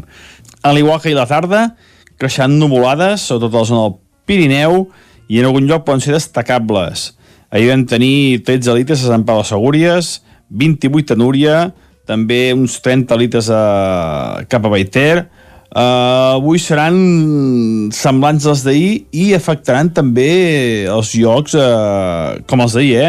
aquestes zones sobretot de l'Alt Pirineu de, del Ripollès no es descarten quatre gotes també al nord d'Osona tot i que és més difícil que, que hi puguin arribar a caure, eh? sobretot afectaran això, la zona del Ripollès Uh -huh. I això és tot uh, a disfrutar el dia d'avui a la gent que li agrada la calor uh -huh. molta precaució amb la calor precaució amb el foc i, i això, a disfrutar de, del dia d'avui moltes gràcies i fins demà. Adéu. Doncs moltes gràcies, Pep, i exacte, molta cura, sobretot als boscos, que avui hem hagut de parlar d'un parell d'incendis, en aquest cas al Vallès, per tant, molta i molta precaució, i Vicenç, és que les temperatures s'han disparat, eh, aquests dies. Elevadíssimes, no és estrany que hi hagués ahir un incendi provocat per petards a Sant Feliu de Codines perquè van arribar als 36 graus de temperatura. Que aviat és dit. La més alta del territori 17, 35 a Caldes de Montbui, per dues dècimes no hi van arribar a Sant Vicenç de Torelló, Uh -huh. 34 i mig a Roda de Ter, a les Masies de Roda, 34 a Centelles, a Sant Martí Sescorts, a Vilanova de Sau, a Gurb o a Tavernoles, 33 graus a moltíssims llocs, per dir-ne alguns, eh, Granollers, Cardedeu, la Garriga, Manlleu, la Gleva, Call d'Atenes, Prats de Lluçanès, Olost, el Pantà de Sau, Aigua Freda, Torelló també. I avui les mínimes doncs, han anat dels 9 graus i mig que han tingut a Ribes de Freser als 23 de mínima a l'Ametlla del Vallès 23 Bufa, de mínima Amb 23, eh, vaja, no pots ni obrir la finestra eh, perquè refresqui. déu nhi saps què va bé per refrescar una mica aquest Què? ambient? Una bona cervesa ben fresqueta. Ah, això sí. Ah, doncs ara de seguida parlarem de cerveses. Doncs va. Uh, ens prenem una pausa de mig minutet i a l'entrevista, això, parlem de cerveses artesanes. Fins ara. Casa Tarradellas us ha ofert aquest espai. Territori 17. Envia'ns les teves notes de veu per WhatsApp al 646 079 023. 646 079 023. WhatsApp Territori 17.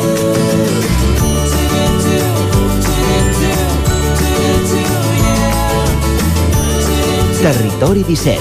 Som a Facebook, Twitter i Instagram amb l'usuari Territori 17.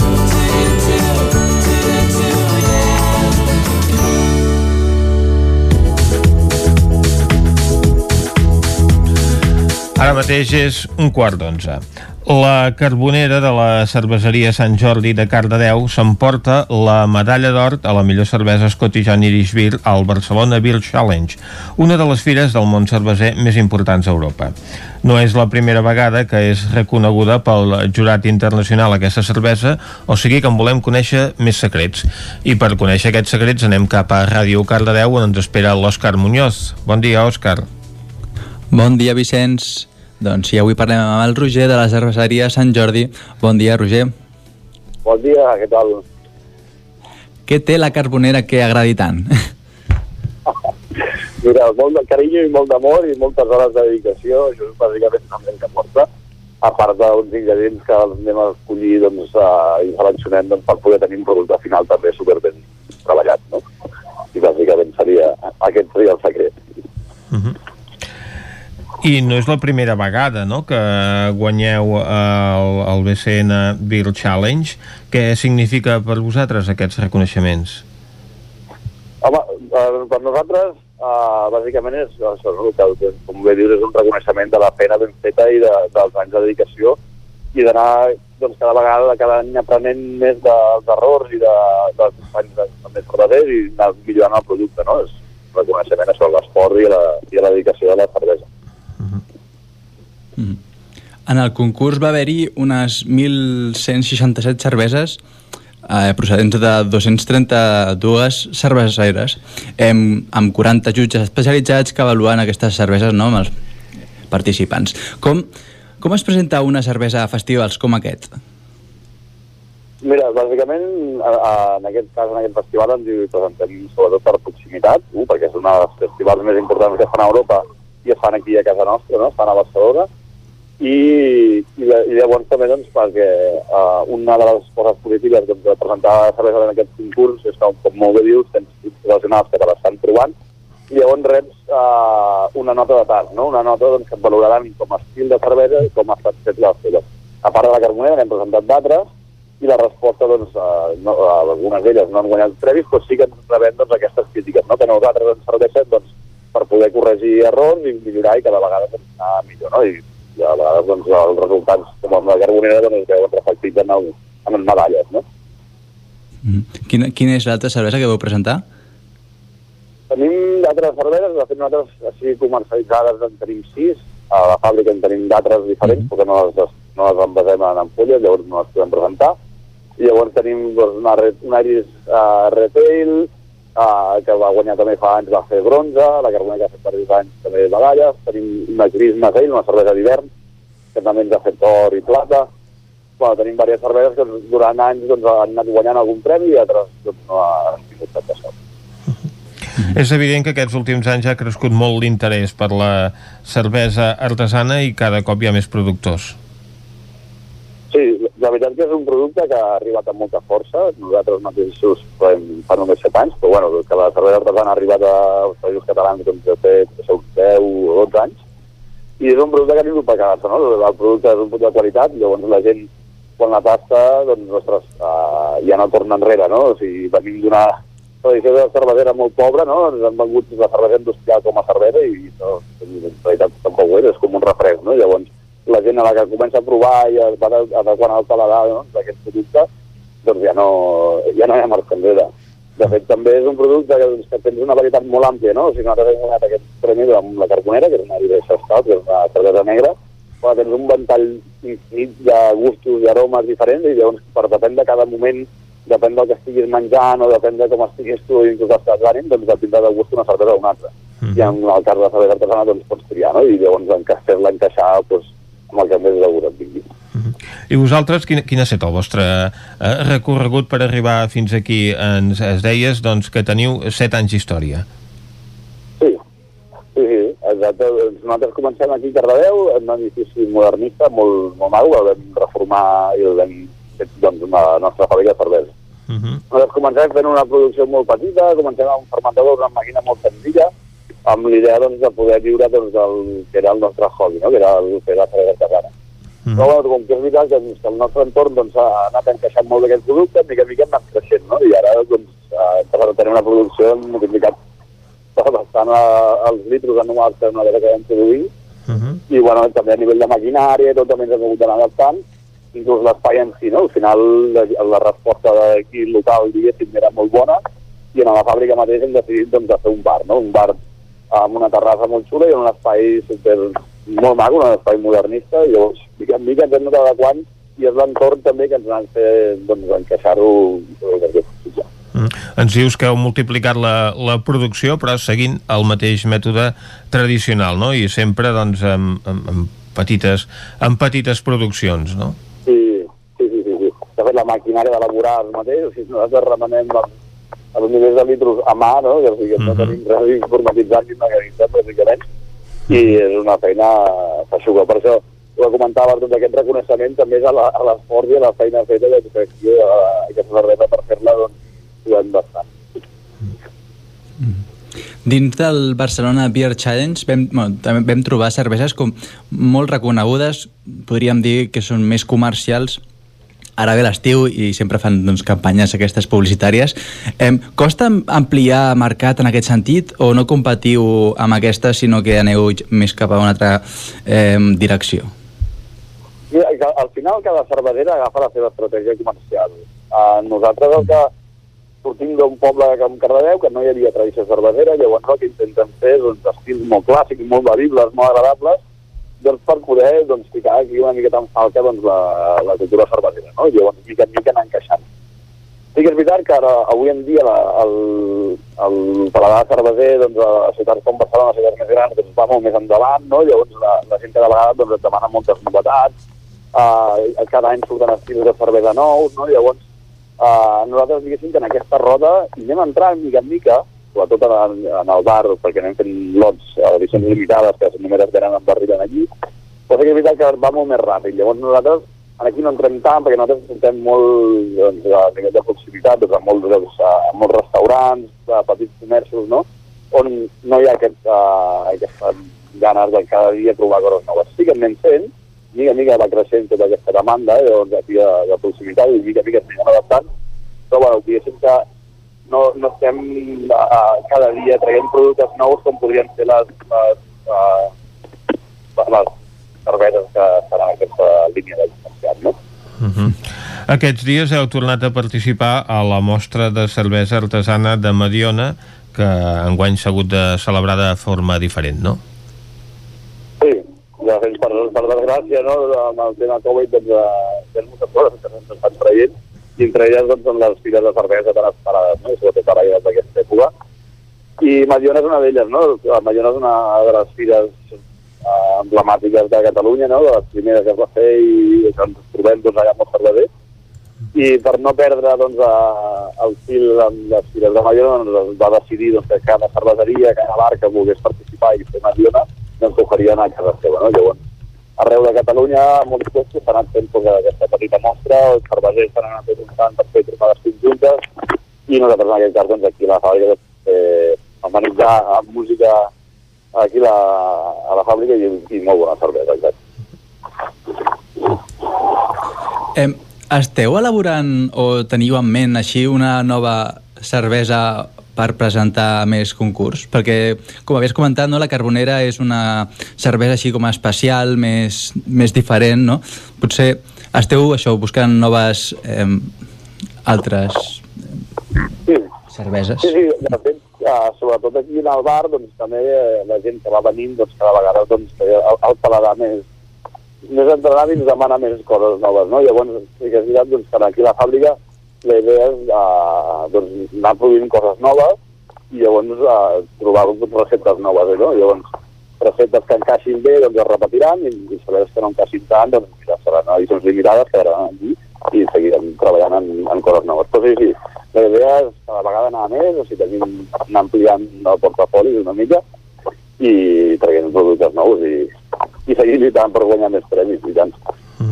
Perquè vosaltres eh, ens comentàveu doncs, que eh, treballeu eh, en una fàbrica, en un edifici modernista de la, de la ruta Raspall, que també és visitable i on el públic doncs, pot provar les vostres cerveses.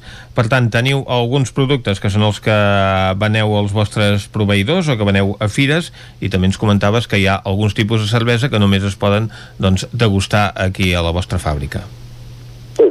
Exacte, sí, sí, sí. De fet, com molt bé dius, des d'aquí del Museu de Cardedeu doncs, eh, es fa doncs, tota una ruta que passa i llavors acaben doncs, aquí fent un petit tastet i un pica pica aquí a Sant Jordi. I sí, sí, nosaltres eh, bueno, doncs, amb qualsevol cosa del poble doncs, també hem col·laborat doncs, disposem d'un espai que val molt la pena. I qualsevol cosa doncs, que sigui portar gent cap aquí i ensenyar-los el nostre projecte doncs estem sempre, sempre disposats. I us ha afectat molt el, el problema de la Covid eh, per no poder utilitzar els vostres canals habituals de distribució? Home, no ha sigut fàcil. Uh, clar, nosaltres aquí teníem dos, dos línies de venda, no diguéssim, la venda directa que podíem tenir aquí al bar, i llavors la venda que es podia fer als bars, restaurants i, i petits comerços, no? Clar, amb tot això tancat, doncs, se'ns ha tallat una miqueta la, la, la seta ja estat complicat, perquè no hi havia rodatge el producte i doncs han sigut uns, uns mesos molt difícils, la veritat. O sigui, ja hem sortit nosaltres de miracle, però sabem que hi ha altres cervesers que no han tingut la mateixa sort, i és una llàstima, no? perquè són projectes que suposen molta feina i perdre'ls, doncs, no se sap, sap greu, no? Dol bastant. I tant que sí. Doncs, Roger Marín, moltes gràcies per acompanyar-nos. Enhorabona per aquest, est, aquesta medalla d'or del Barcelona Beer Challenge i molta sort en el futur amb aquest projecte de la cerveseria Sant Jordi. Moltíssimes gràcies a vosaltres. Nosaltres ara tanquem l'entrevista, al Territori 17 fem una pausa de 3 minuts i tornem tot seguit. El nou FM, la ràdio de casa, al 92.8. Pastisseria Zavara de Tona és tradició i alhora innovació i pastisseria moderna. Amb la quarta generació de la família Cors al capdavant, la besneta de Joan Cors segueix elaborant l'especialitat de la casa, la tortada, així com pastissos per festes i celebracions. Que les postres mai faltin a taula. Pastisseria Zavara. Som al final del carrer Major de Tona, al número 58. Si vols veure el que fem, visita el nostre Instagram. Ravella de Sant Joan, al restaurant Casa Vostra. Sopar, música en directe amb Joan Aromí, fi de festa amb coca, llangonissa i cava. Vine i disfruta de la Ravella de Sant Joan amb un bon sopar i la millor música. Restaurant Casa Vostra al carrer Pla de Balanyà, número 18 de Vic. Fes la teva reserva al 639 355 320. Necessites cultura, espectacles i diversió? Neix el Clec Fest, el primer festival rural xic de la comarca. A Santa Eulàlia de Riu Primer els dissabtes 19 i 26 de juny i 10 i 17 de juliol. Circ, màgia, improvisació, música i molt bon rotllo. Fes cultura, fes estiu, fes Riu Primer, fes Clec. Tota la programació a l'Instagram arroba Clecfestival Riu Primer. Vine al racó del León i celebra la Revilla de Sant Joan. Menú especial, coca de Sant Joan i llangonissa per tothom. Gaudeix de la Revella de Sant Joan al racó del León, carrer Torelló, número 35 de Vic. Fes la teva reserva al 93 889 19 50. Nou Baviera. La nostra proposta és senzilla, plena de sabors i valors. El nostre èxit és la senzillesa de la nostra carta amb productes frescos, de primera qualitat i de quilòmetre zero. Som especialistes en frankfurts, hamburgueses 100% de carn de vedella, entrepans i una de les millors patates braves de tot Vic. Amanides, plats combinats, tot al teu gust. Nou Baviera. Ho fem per tu com si fos per nosaltres. Som al carrer Verdaguer número 36 de Vic. Vine a Autoscola Montseny. Ara és el moment de fer els cursos de teòrica intensius, ràpid i eficaç. T'informarem dels packs. Permís de moto de 16 i 18 anys i permís de cotxe. I si vens a veure'ns, tindràs un obsequi. Apunta't i no t'ho pensis més. Per més informació, Autoscola Montseny, Rambla de Vallades, número 13 de Vic. Busca'ns a Instagram i Facebook.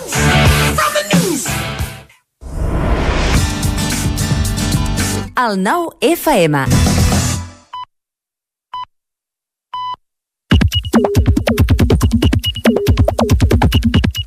Arriben dos quarts onze, és hora de fer un repàs al que està dient la gent per Twitter amb la Clàudia Dinarès.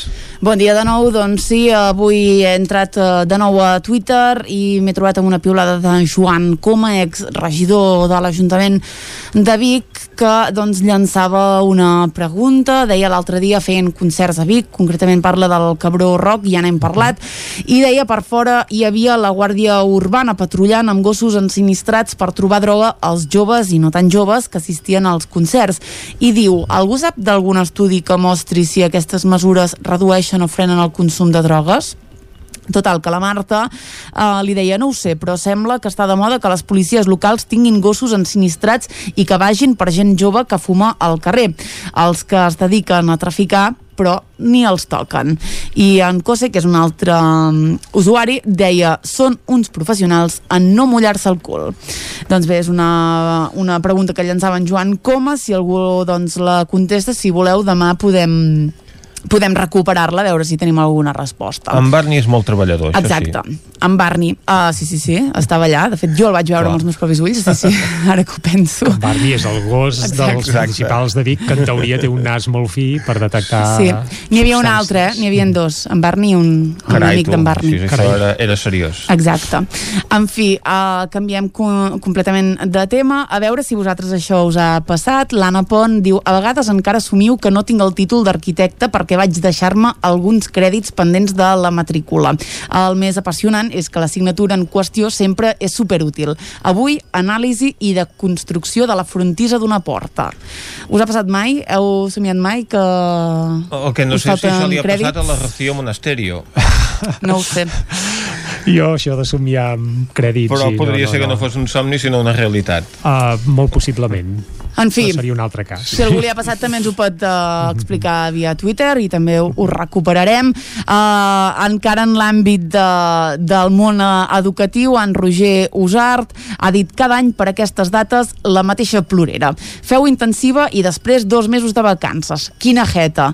Avui ja l'he sentit dos cops. El problema no és que jo tingui dos mesos de vacances, el problema és que no els tinguis tu i això no és culpa meva, imbècil. Uh, Roger Usart doncs, està una mica enfadat a les xarxes, sabem que és músic, però també sabem que és mestre, s'apropa doncs, al final de curs i uh, aquests comentaris doncs, al mes de juny uh, solen aparèixer. Un clàssic, aquests comentaris, Exacte. evidentment. I el fan enfadar. Però bé, en Roger Usart, cal dir que és molt treballador i és d'aquells mestres que el juliol l'aprofiten per formar-se també, eh? Que Molt hi ha bé. alguns d'aquests, sí, sí.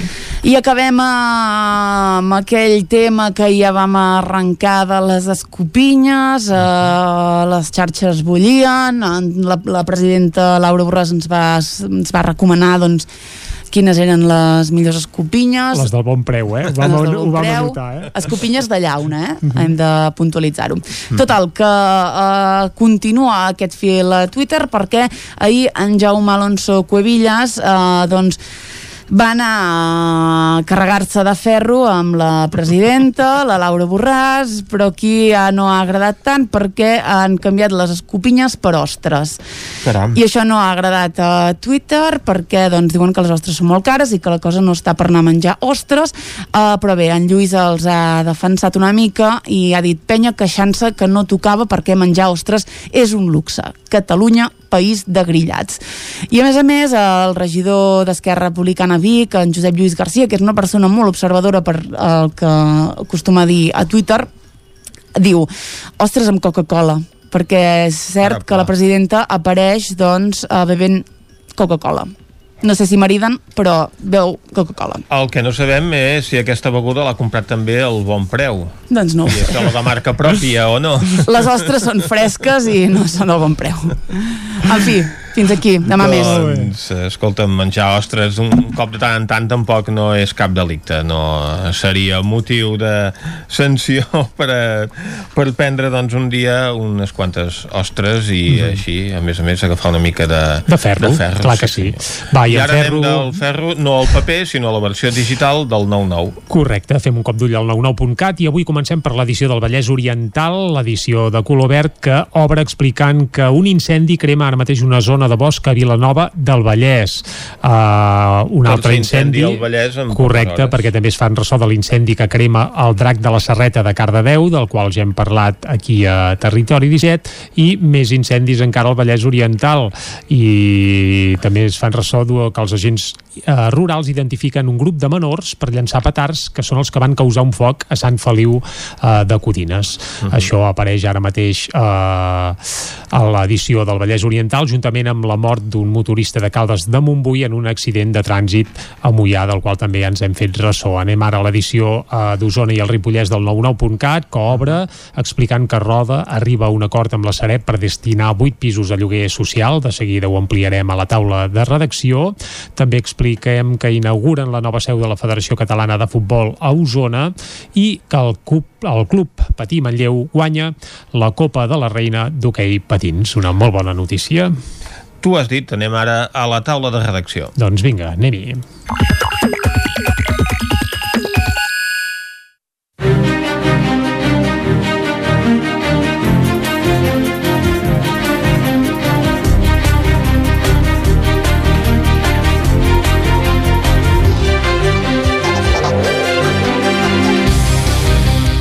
La taula de redacció ens acompanyaran en Guillem Rico i la Dolors Alta Riba.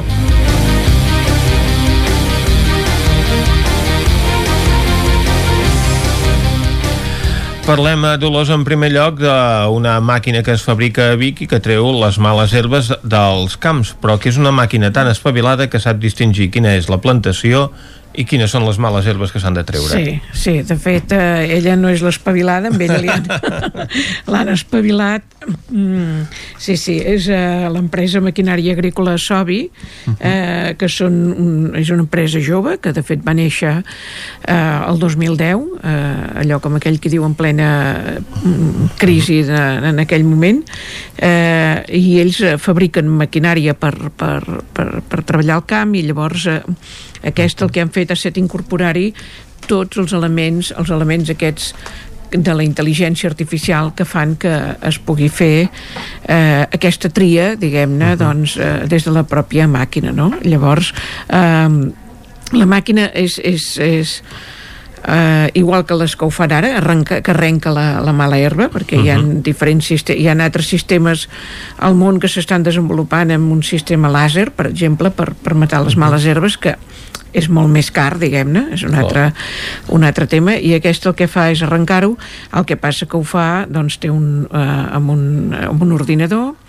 que tu li, li poses a l'ordinador en cada moment en què vols entrar al camp uh, Mhm. a treure les males herbes perquè ho pots fer durant tot l'any de dia, de nit i, i vingui el sol de cara o d'esquena, diguem-ne També, Eh, pot sí. treballar de nit. Sí, perquè ho han fet eh, de manera que, que la, la, la, la, el, software el que detecta, tu li poses el, la mida que té aquella, el, el gra o el, la que tu vols eh, mantenir, la planta que vols mantenir, li poses la mida, la, les condicions que té i llavors la, passar, la màquina detecta... Tot el que quedi fora d'allà Ah, exacte. Mhm. és, el que, és el que arrenca no? Mhm. estan fent proves és cert que encara estan fent proves i, i, i probablement doncs hauran, eh, potser els tocarà ajustar alguna cosa però en fi Mhm. té un mm, una capacitat eh, gran perquè el que fa és que té una càmera amb visió 3D i per això dèiem que pot treballar en qualsevol moment perquè per Mhm. exemple ell, ells explicaven els, els responsables de l'empresa explicaven que per exemple hi ha un, un sistema semblant amb una màquina alemana però aquesta màquina fa la, de, la, la, la detecta per colors no? o sigui, Mhm. posa la planta de, del color verd la- l'altra del color groc la, la terra de color marró i per tant no és tan eh, específica Mhm. com aquesta que de fet eh, la, la càmera pot fer allò 15 fotos per segon i 35.000 càlculs en, en el moment en què en què fa la foto, no? Llavors la, el, el, el, el sistema és que la, la, la- mateixa màquina es mou en funció de, de, de on troba la, la mala herba. Bé, és Mhm. una és una innovació eh, feta per una empresa petita Mhm. eh, jove i, i en fi, local diguem-ne, no? O sigui que per tant a vegades quan es parla molt d'aquests temes d'intel·ligència artificial sembla que només ho puguin fer les grans empreses i en tot cas eh, ells han demostrat que ho poden fer ells, que ho fan a més a més amb una plantilla molt jove tenen, és una empresa que té 9 persones però justament les dues últimes que han incorporat ha estat en l'any Covid o sigui que eh, el sector en aquest sentit, l'agrícola o el de o el de serveis essencials o ells eh, Han mantingut no, ho han mantingut i, sí, i no, no han notat diguem-ne aquesta, Mhm. aquesta part de la crisi diguem-ne I tot això es desenvolupa perquè a partir d'ara no es podran utilitzar plaguicides per matar les males Cert, herbes. això és una de les, de les coses que fa que eh, la, quan, quan hi ha algunes normatives, eh, en aquest cas normativa europea, que, que en, en el proper en un any o dos això ha de desaparèixer de- d'utilitzar aquests productes per això també deia que s'estan desenvolupant altres coses eh, al món no? per exemple d'aquest tipus més amb làser no? per què? perquè hi ha aquesta prohibició Mhm. llavors això fa eh, que l'enginy no? doncs també es desenvolupi i en tot cas aquesta és una opció eh, n'hi han d'altres, eh? perquè hi ha les, eh, per exemple els que ho fan ecològic ho han de fer, ho han de fer servir sí o sí per dir-ho d'alguna manera eh, si De és fet, ja que no utilitzen. eh, no utilitzen tot i que hi ha tendències diverses amb aquest tema de les males herbes hi ha gent que considera que, que no sempre són totes males herbes però en fi, eh, en tot cas eh, això sí que s'hi haurà de posar tothom haurà de posar-se les piles en, en això no? i per tant això és una manera de fer-ho fàcil Mhm. Doncs, eh, Dolors, moltes gràcies. Eh, nosaltres ara canviem de tema i ara anem a parlar de Roda de Ter, perquè l'Ajuntament de Roda ha arribat a un acord amb la Sareb per poder utilitzar per lloguer social uns pisos que la Sareb té en aquesta població. Guillem Rico. Bon dia, doncs sí. Uh, la Sareb té 25 pisos a Roda i han arribat a un acord per, per aquesta sessió per 4 anys de, de 8 dels pisos. Uh Mhm. -huh. uh, fa un bastants mesos que van començar-hi a treballar, des de finals d'any, uh, sembla, uh, perquè a Roda hi ha una manca d'habitatge d'aquest tipus. De fet, a Roda no hi ha habitatge social actualment. Uh -huh hi havia la necessitat i llavors van veure que hi havia aquests pisos buits de bancs van començar a negociar pel novembre i eh, hi va haver aquesta oportunitat van, van tirar-ho endavant de fet amb el pla d'acció municipal del nou govern el nou govern que ja farà aviat un any que, que, és, que hi és eh? Uh -huh. uh, van, van ver, eh, es comprometien amb això, no? a trobar aquest tipus d'habitatge, van veure aquesta manera, van anar-ho negociant, eh, van veure a través de serveis socials què podien assumir per gestionar i van dir, doncs val, en demanem 8. Semblava que tot anava bé i quan pel març més o menys anaven a firmar ja els convenis, la Sareb els va dir que no, que no tirarien l'acord perquè els pisos ja no, no estaven, deien que no estaven destinats a, a lloguer social. Llavors, des de Roda van dir-ho al grup del Senat, D'Esquerra Republicana? d'Esquerra Republicana perquè entressin una pregunta i casualment el dia després d'haver entrat la pregunta eh, haver-la registrat abans de que es, que es pogués fer la pregunta Mhm. Eh, van rebre un... els hi van comunicar des de la Sareb que, es va que sí, que ja, ja podien firmar-ho i per tant doncs els propers dies es signarà aquest conveni que dèiem per, per 4 anys d'aquests 8 pisos el que no saben encara és quins pisos concretament seran perquè això ja en aquests 25 eh, ja han de veure doncs la Sareb quins els hi proposa Per tant, no són 8 que formin part d'un mateix bloc, per exemple? no, no, no se sap. No, pot ser que que, no se sí, sap. pot ser que no. O sigui, veuran en, en el moment que, de, que, que signin aquest conveni doncs, de, quins, de quins pisos es tracta. Per tant, no saben encara quines dimensions i quines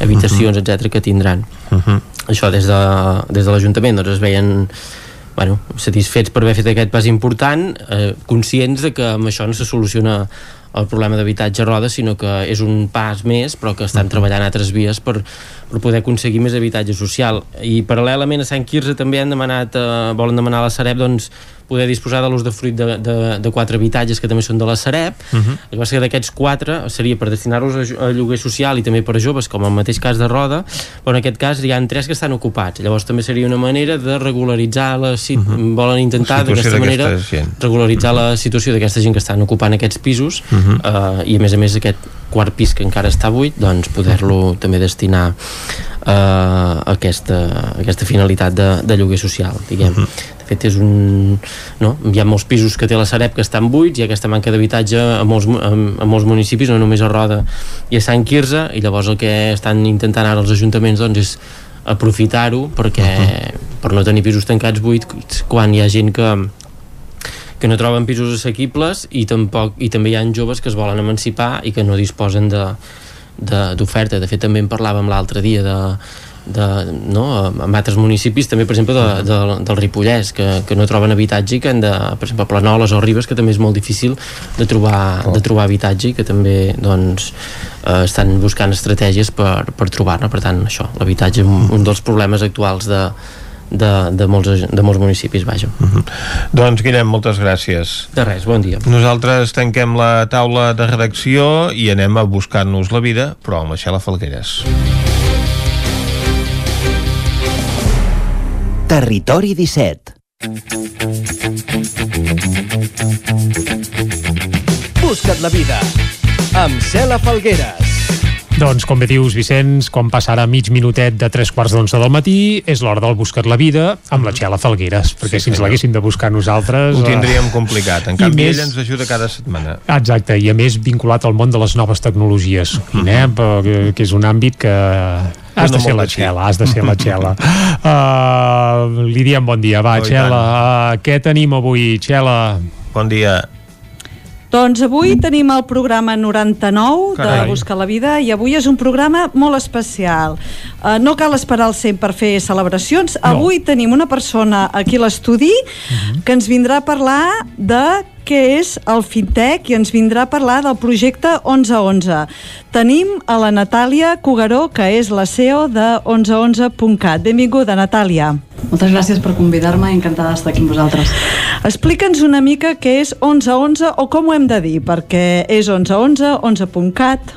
De fet, ho podeu dir com vulgueu, en realitat és, eh, la marca és 1111, el que passa que per abreviar diem 11 i tothom ja ho entén, perquè tant si dius una cosa com l'altra vas a parar a la mateixa comunitat 11, Fintech. 11 Fintech, què és? Ens podries explicar... Sí, eh, a 11 som una comunitat de persones, sobretot de, de, de Catalunya, és a dir, realment es basa sobretot en la comunitat de catalans que estem dins dels països catalans, i el que fa aquesta comunitat és organitzar-se per crear una fintech que doni servei a la comunitat. Per tant, en realitat, eh, aquesta proposta neix de la mateixa comunitat i, de fet, volem que així continuï. Com va sorgir la idea? Com et vas embrancar tu a crear un fintech català? Fintech vol dir finances i tecnologia, eh? Això mateix, sí. Les finances emprant la tecnologia, el qual, el qual no vol dir que estigui allunyada de la gent. De fet, nosaltres eh, estem demostrant que aquesta comunitat fintech pot estar ben a prop de la gent i la tecnologia serveix precisament com una eina potent per apropar-nos a les persones. Aleshores, a veure, eh, que em comentaves això de la, de la idea, la idea va sorgir fa dos anys, eh, un grup de gent catalana doncs que realment tenia moltes ganes de, de crear un projecte que fos una eina de veritat per la gent. Aleshores, els diners són bàsics, organitzar-se les finances és bàsic, i a partir d'aquí va començar a madurar la idea. Uh, un grup de persones que, que formen Unitat per la Independència i després el nostre chairman uh, James Sen, que precisament uh, també ho ha anat explicant al llarg de, al llarg d'aquest temps, uh, van ja començar a decidir posar-ho en marxa i aleshores en el projecte jo m'hi vaig incorporar fa aproximadament un any i mig. Tu ets enginyera, uh, havies tingut ja experiència en el món fintech o va ser un, una immersió en un repte importantíssim? Realment eh, jo sóc aprenent de tot. Per tant, en realitat, eh, en el tema fintech mai es pot dir que un en sap perquè estan contínuament sorgint noves iniciatives. És a dir, realment eh, és un món totalment nou. És a dir, jo he tingut experiència en banca tradicional, eh, en departaments de màrqueting i organització, però en realitat en el món fintech com a tal eh, sóc aprenent de tot. A veure, uh, 11.cat és un, és un projecte molt complet. Uh, en el seu moment tindrà comptes bancaris disponibles perquè els usuaris puguin gestionar des dels seus mòbils.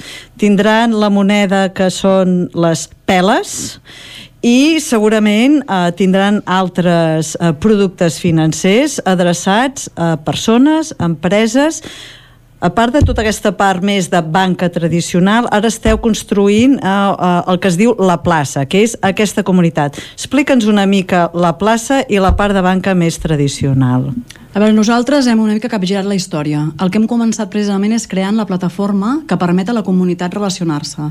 Aleshores, la, la plataforma que hem creat, que és com tu has dit la plaça, el que et permet precisament és formar-te amb tot allò relacionat amb els diners i amb les finances. Els agents 11 que ja estan dins de la plaça el que fan precisament és generar material audiovisual, d'aprenentatge, de divulgació, on precisament el que fan és explicar a la gent tot allò que és important que sàpiguen en termes de productes financers i de finances en general, de com estalviar, de quins productes són més adequats, quins no, veure quines comissions realment són abusives, quines no. Per tant, el que estem intentant és apoderar la gent perquè quan prenguin una decisió amb tot allò relacionat amb els diners, la prenguin amb coneixement de causa.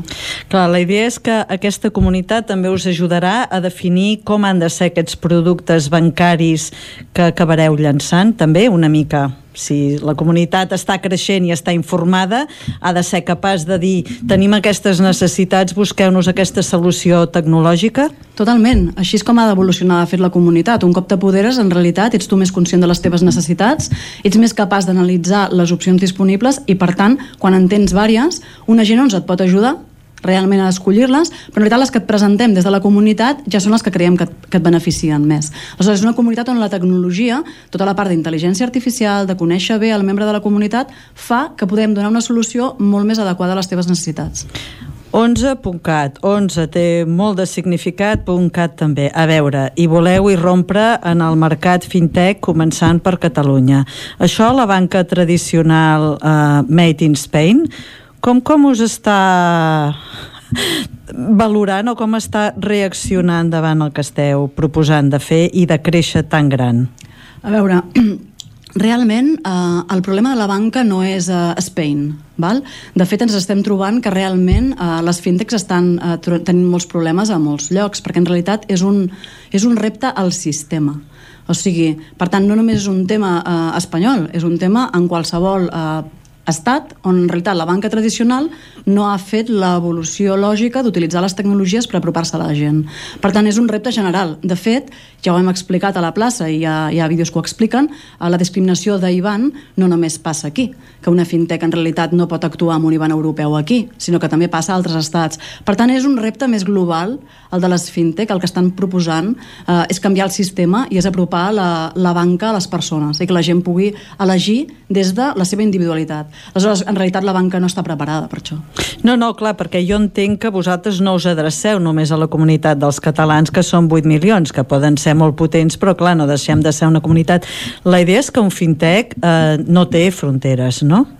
Un fintech en realitat no té fronteres i Europa està integrat al sistema bancari i per tant en realitat tu podries actuar amb qualsevol eh, fintech o banc que estés a qualsevol estat de la Unió Europea, perquè precisament la integració hi és.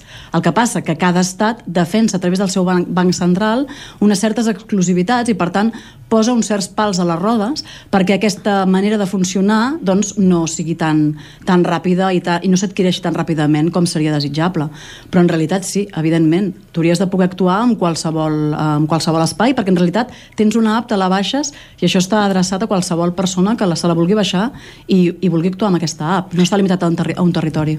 Però aleshores tots els serveis bancaris que doneu han de tenir el recolzament del Banc Central d'Espanya, per exemple, si esteu registrats a Espanya o ha de ser de la banca central d'algun país eh, perquè pugueu operar, perquè si no, és a dir, com les criptomonedes, vull dir, això va completament a part, no? Vosaltres no arribeu a ser un món paral·lel de les criptomonedes que funcioneu amb el blockchain, sinó que vosaltres al final teniu algun respatllament d'algun sistema bancari oficial. Sí, normalment el, el la manera com funciona és que tu normalment estàs subjecte al Banc Central de l'estat del qual tu tens la llicència. És a dir, ha qualsevol estat de la Unió Europea, a través de uh, el que se'n diu passporting o el que se'n diu directament obrir una sucursal, tu podries actuar en qualsevol estat de la Unió Europea des de qualsevol estat de la Unió Europea. I, de fet, el Banc Central, que en teoria et vigila, és el banc on hi ha la llicència no el banc on resideix la persona que vol obrir un compte d'aquell banc. Uh, quin és els plans? A quin, a quin país demanareu la llicència o això és encara indeterminat o hi esteu treballant?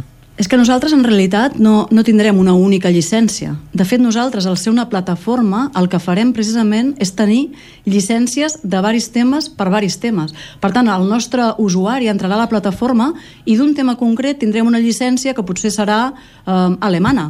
D'un altre tema potser tindrem una llicència que serà eh, que és irlandesa, per posar dos exemples que no és que siguin reals. Per tant, en realitat, no és tant unillicència. Si tindrem diverses llicències, perquè precisament el que volem és que el client triï entre varis productes. Per tant, en realitat, no només hi ha una única llicència. Quina, si haguessis de definir una mica el fintech, com s'està movent, empreses que estan sortint, mètodes de pagament, tot això, quines diries que són les tendències principals ara en el món fintech?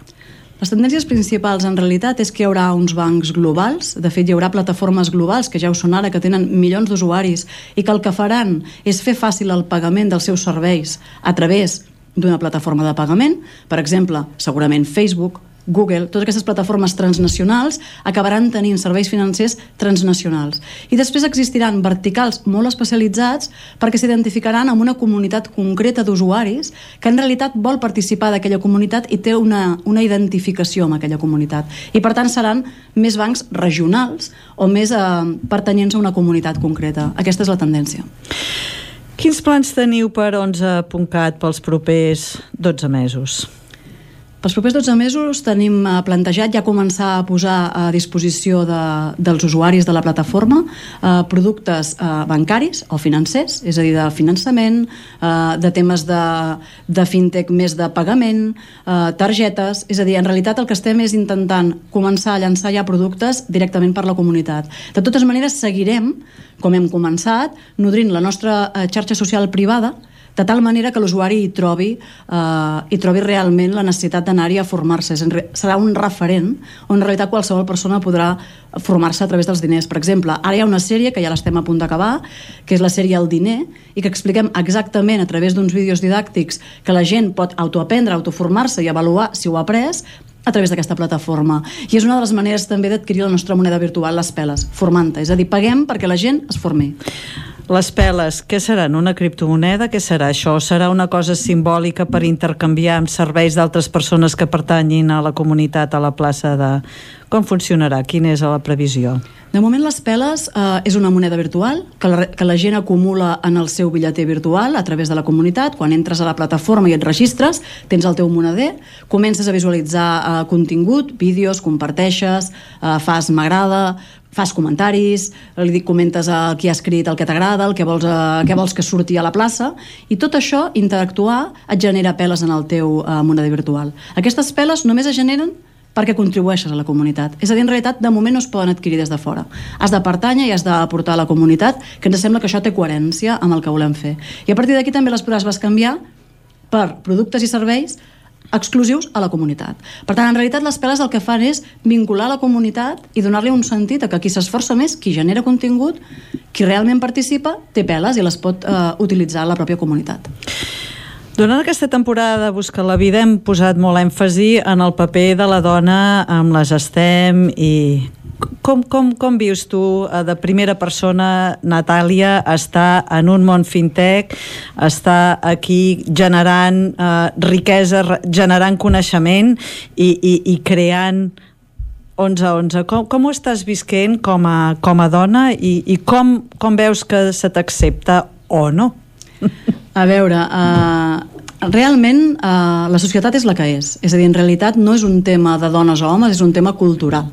Realment les dones són molt poc visibles i la mateixa societat, siguin homes o dones, han estat educats de tal manera que quan veuen una dona en una determinada posició eh, hi ha una tendència a la invisibilització, a no dir el seu, no, el seu nom, a no donar la seva història, és a dir, donar-li molta menys importància. Això és un fet que, que passa. Val?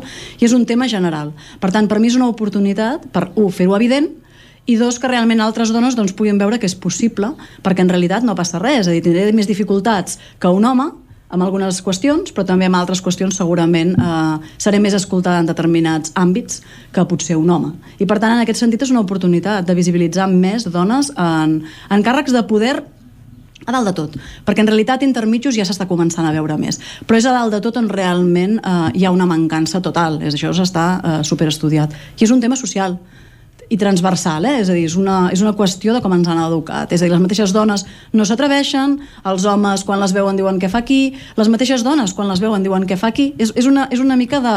és un problema complex, però d'aquesta manera precisament es pot anar avançant. Natàlia Cugaró, CEO de 1111 Fintech. No marxis encara, t'acomiado, però anem a les notícies que m'agradarà comentar amb tu. Moltíssimes gràcies per tot el que ens has compartit i molts èxits amb 1111 Fintech. Moltes gràcies a vosaltres. Doncs vinga, la primera notícia és Facebook assuma el pagament per enllaç i QR que funcionarà des de Messenger. Uh, de moment aquesta funcionalitat només estarà disponible als Estats Units i permetrà que els usuaris de Messenger puguin enviar o sol·licitar diners a qualsevol persona amb Facebook Pay, fins i tot si no estan connectats. No cal descarregar cap app de pagament. Està clar que Facebook s'està posant les piles per tal d'oferir nous mètodes de pagament a través de la seva plataforma. Natàlia, com veus tu que Facebook i Facebook Pay ja comencin a facilitar realment uns pagaments que seran pràcticament invisibles per l'usuari, perquè ja posaràs l'empremta, pagues i adeu. Totes aquestes plataformes que tenen tants usuaris, el normal és que integrin amb tota la tecnologia que hi ha allà i que utilitzin els seus propis clients per facilitar-vos els pagaments. Això és un clic bastant immediat i precisament és una tendència no només de Facebook, segurament ho anirem veient en altres plataformes també. T'anava a dir, no és una mica preocupant? Perquè fins ara Facebook ja sap tot de nosaltres, ara sabrà tot dels nostres diners, a més. Sí, és clar, això és que cada usuari agafi consciència i precisament per aquesta part és la part de l'apoderament de l'usuari, entengui quines dades comparteix, quines no i quin perill té el fet de compartir-les. Per tant, això és una decisió personal que ens hauríem de preocupar nosaltres mateixos de saber què es fa amb les nostres dades, de quina manera estan garantida la seva seguretat, la seva transmissió. És entendre les persones que tenim una responsabilitat amb les nostres pròpies dades. Vinga, anem a una altra notícia. Neix un e-wallet europeu que permetrà identificar-te i fer pagaments a tota la Unió Europea. Una recent proposta de la Unió Europea concep la creació d'una bitlletera digital que permeti a qualsevol persona dins de la Unió Europea accedir a serveis públics i privats des del seu dispositiu mòbil. Funcionarà com un carnet d'identificació europeu que podrà emmagatzemar el carnet de conduir, el DNI o títols i permetrà tràmits burocràtics informàtics, com per exemple la matriculació a universitats. Però també permetrà realitzar pagaments, com per exemple impostos, lloguers de vehicles i d'habitatges. Es preveu que aquest e-wallet entri en funcionament l'any que ve. Natàlia, què ens hauries de comentar d'aquesta mm, iniciativa de la Unió Europea? Doncs és fantàstica. De fet, sembla mentida que els bancs actuals no, no l'hagin eh, posat ja a disposició de tots els clients per facilitar-los tots els pagaments, perquè un banc precisament hauria de servir per facilitar les finances de la gent. Per tant, em sembla una meravellosa notícia que realment els bancs ja haurien de córrer a integrar-la a les seves plataformes. Sí, de fet, jo vaig veure vaig viure una temporada a l'estranger i jo pensava, a veure, mm, jo què sé, eh, si el Deutsche Bank uh, obro una oficina a Espanya i si vaig a, a viure a Alemanya necessito obrir un altre compte corrent en allà i fa quan vaig marxar que no era Alemanya però la resposta era sí, jo era amb un Barclays. No jo pensava, a veure, si Barclays per què he d'obrir una... doncs sí eh, tot estava segmentat eh? per tant potser que aquesta integració és més que necessària Totalment, sí, sí. Natàlia, moltíssimes gràcies. Un plaer parlar amb tu i un plaer, un plaer poder fer aquest programa completament diferent de Busca la Vida, el programa 99. Uh, moltes gràcies per haver-te desplaçat fins a Cardedeu uh, des de Terrassa i estar avui als nostres estudis. Moltes gràcies a vosaltres, un plaer. Doncs res, ens escoltem la setmana que ve en un nou Busca la Vida, el programa número 100. Prepareu-vos. Doncs estem preparats, eh, Vicenç? I tant. La setmana que ve, el Busca't la Vida número 100, en el que serà Compte. també l'última setmana de la temporada de Territori 17. Sí, senyor. Per tant, farem centenari en la setmana que ens n'anirem de vacances, que el programa anirà de vacances. Ho celebrarem amb la Xela. I tant, per molts anys. Va, i ara, quan són les 11 i 3 minuts del matí, el que toca és acostar-vos de nou l'actualitat de les nostres comarques, l'actualitat de les comarques del Ripollès, Osona, el Moianès i el Vallès Oriental. Territori 17, amb Vicenç Vigues i Jordi Sunyer.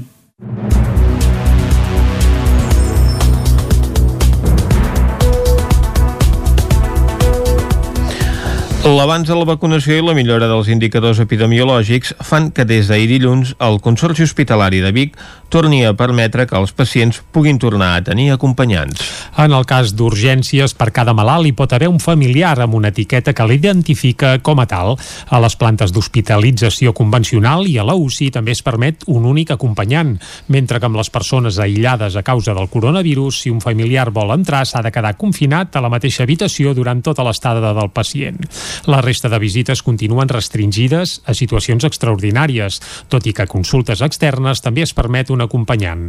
L'enduriment dels protocols es va establir aviat farà un any amb la intenció d'evitar l'entrada de, cas, de casos de Covid des de fora dels hospitals.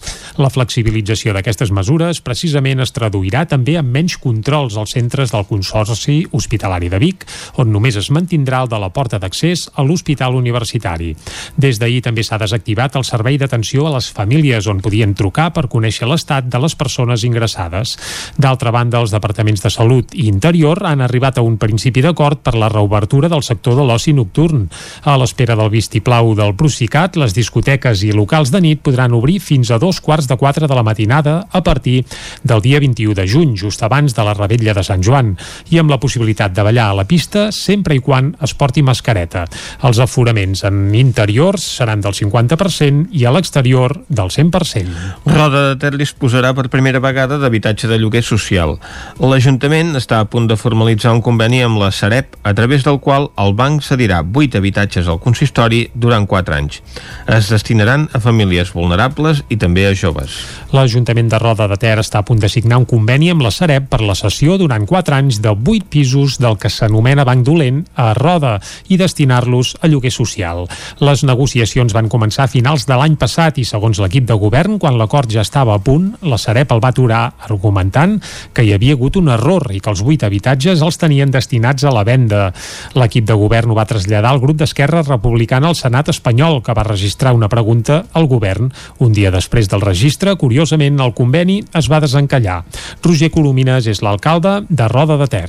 Estem molt satisfets perquè doncs, són 8 pisos que tindrem a disposició doncs, del nostre municipi durant, durant 4 anys eh, prorrogables i per tant sabem que les necessitats doncs, de l'habitatge al nostre municipi són molt grans com, com la resta de municipis de la comarca i del país però en qualsevol cas és un primer pas que, que encaixa molt bé amb, amb, els, amb els nostres objectius com a equip de govern en el pla d'acció municipal en el qual doncs, l'habitatge era una de les principals prioritats L'acord estableix que els 8 pisos que cedeix la Sareb han d'estar en bon estat. Si hi ha, eh, si s'hi han de fer actuacions d'arranjament, les assumiran a parts iguals l'Ajuntament i la Sareb fins a un màxim de 3.500 euros cadascun per cada habitatge.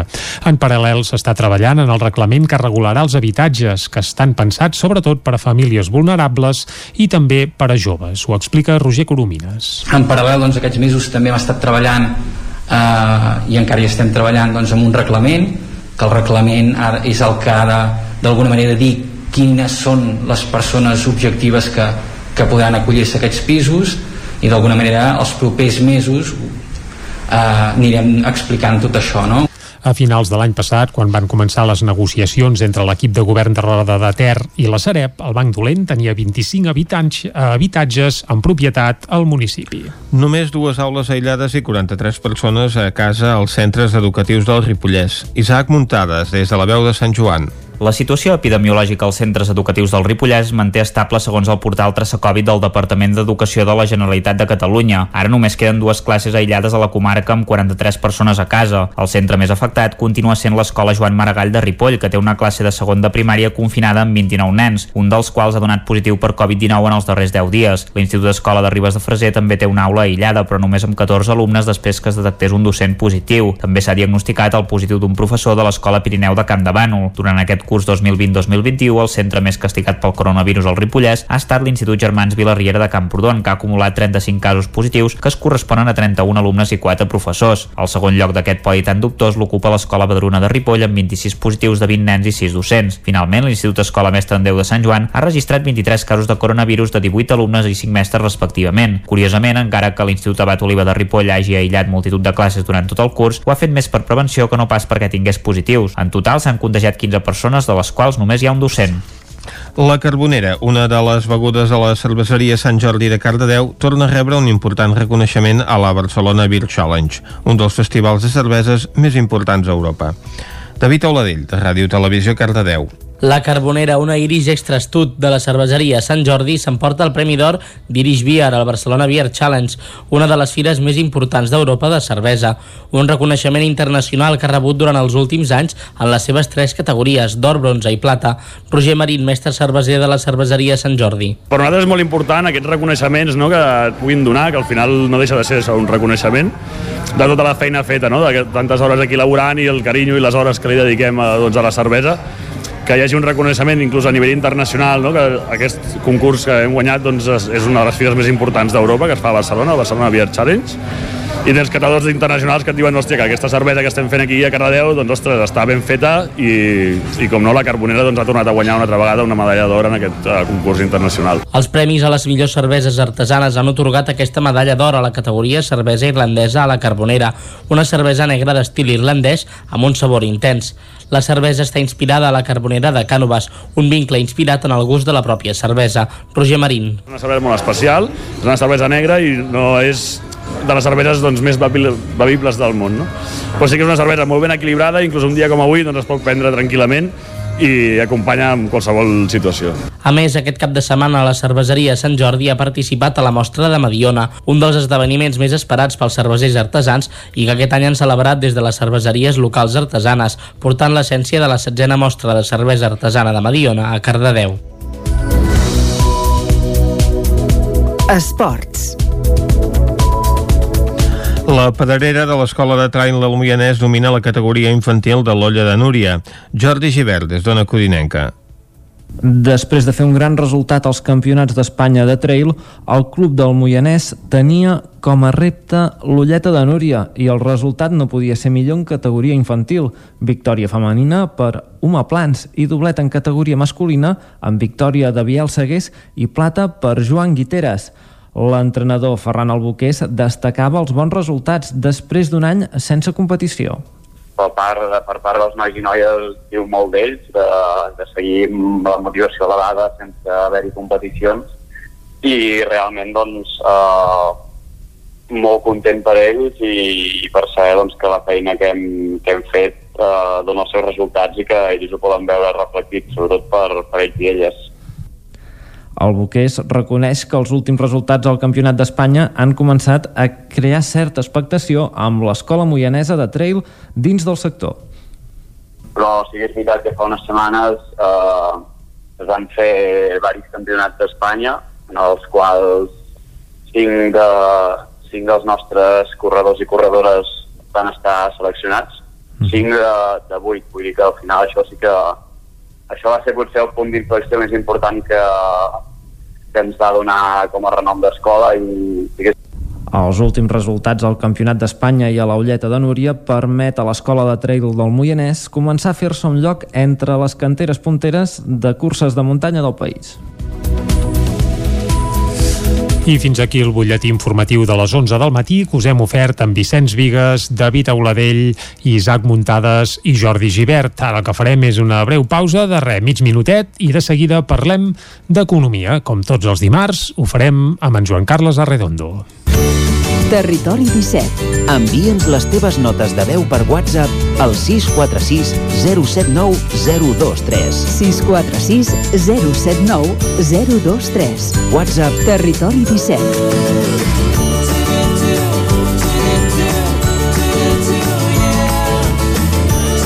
Territori 17. Som a Facebook, Twitter i Instagram amb l'usuari Territori 17.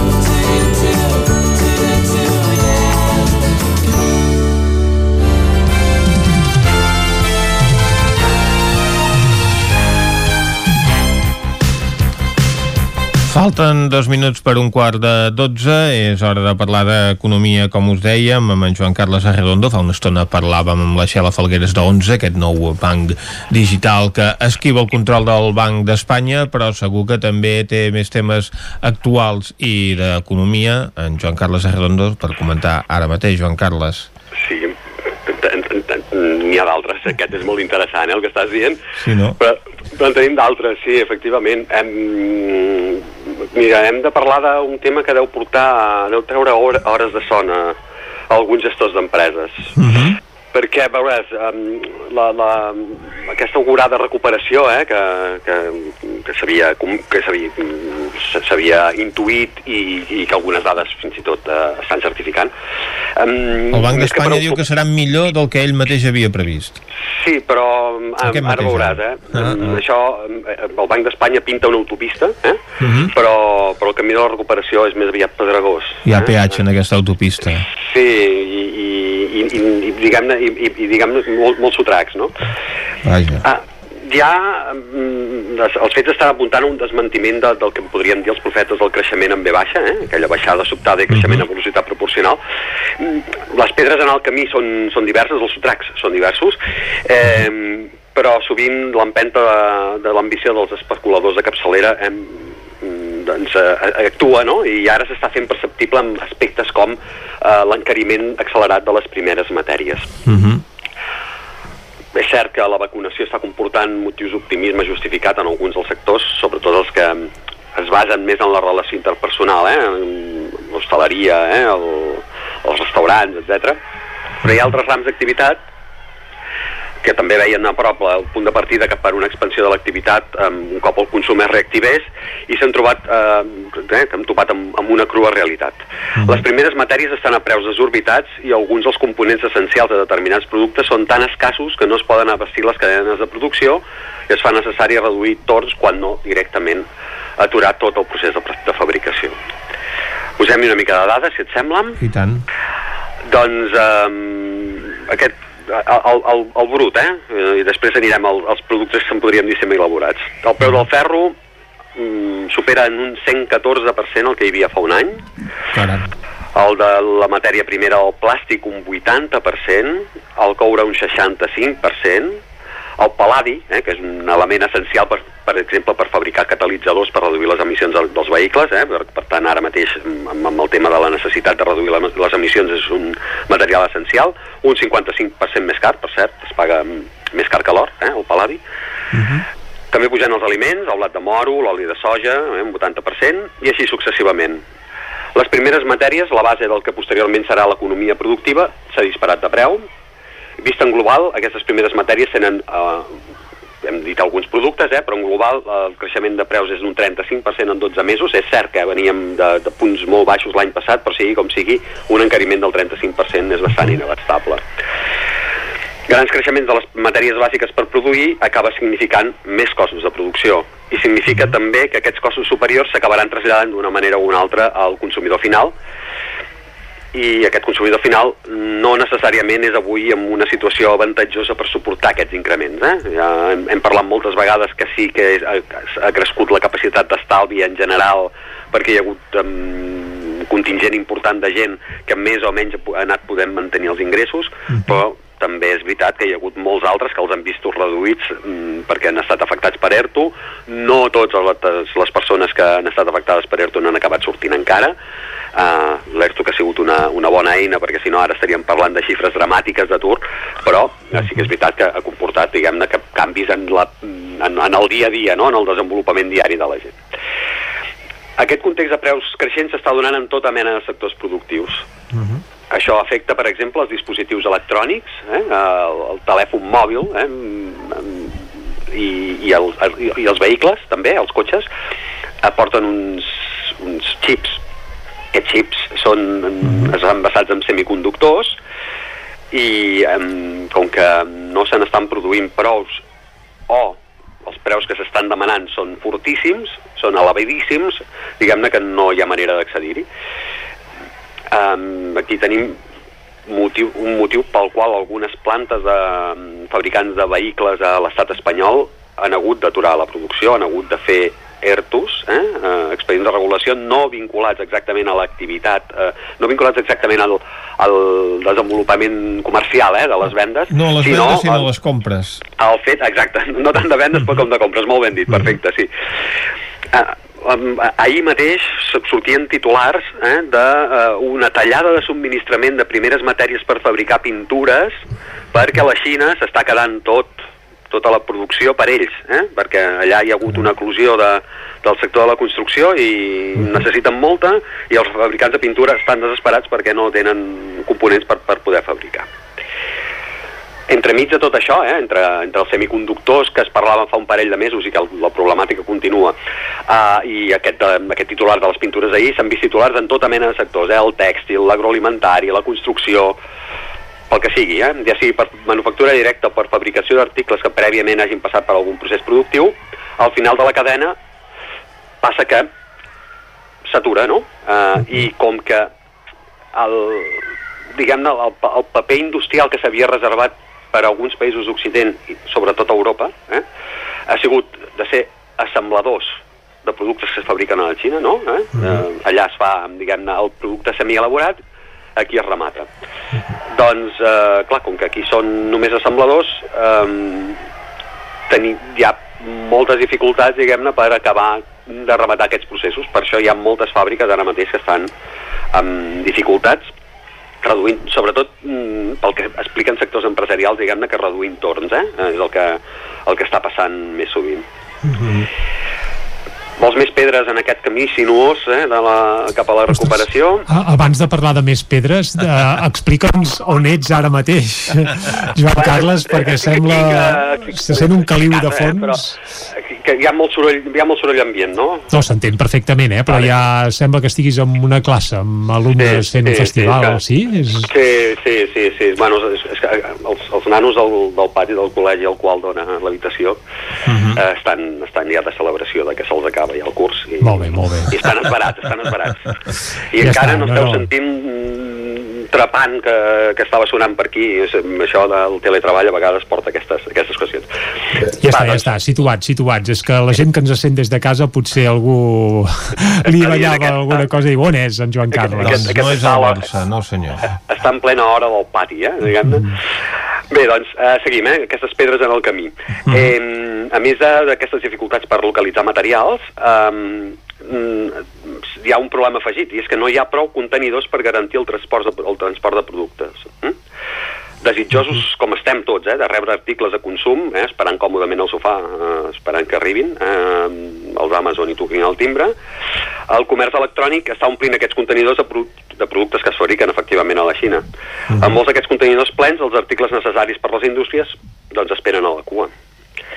Europa, que ja no estava en posició, una posició avantatjosa en recursos naturals que li donessin accés directe a les primeres matèries, eh, va viure aquest procés de progressiva deslocalització industrial a finals del segle passat. Eh?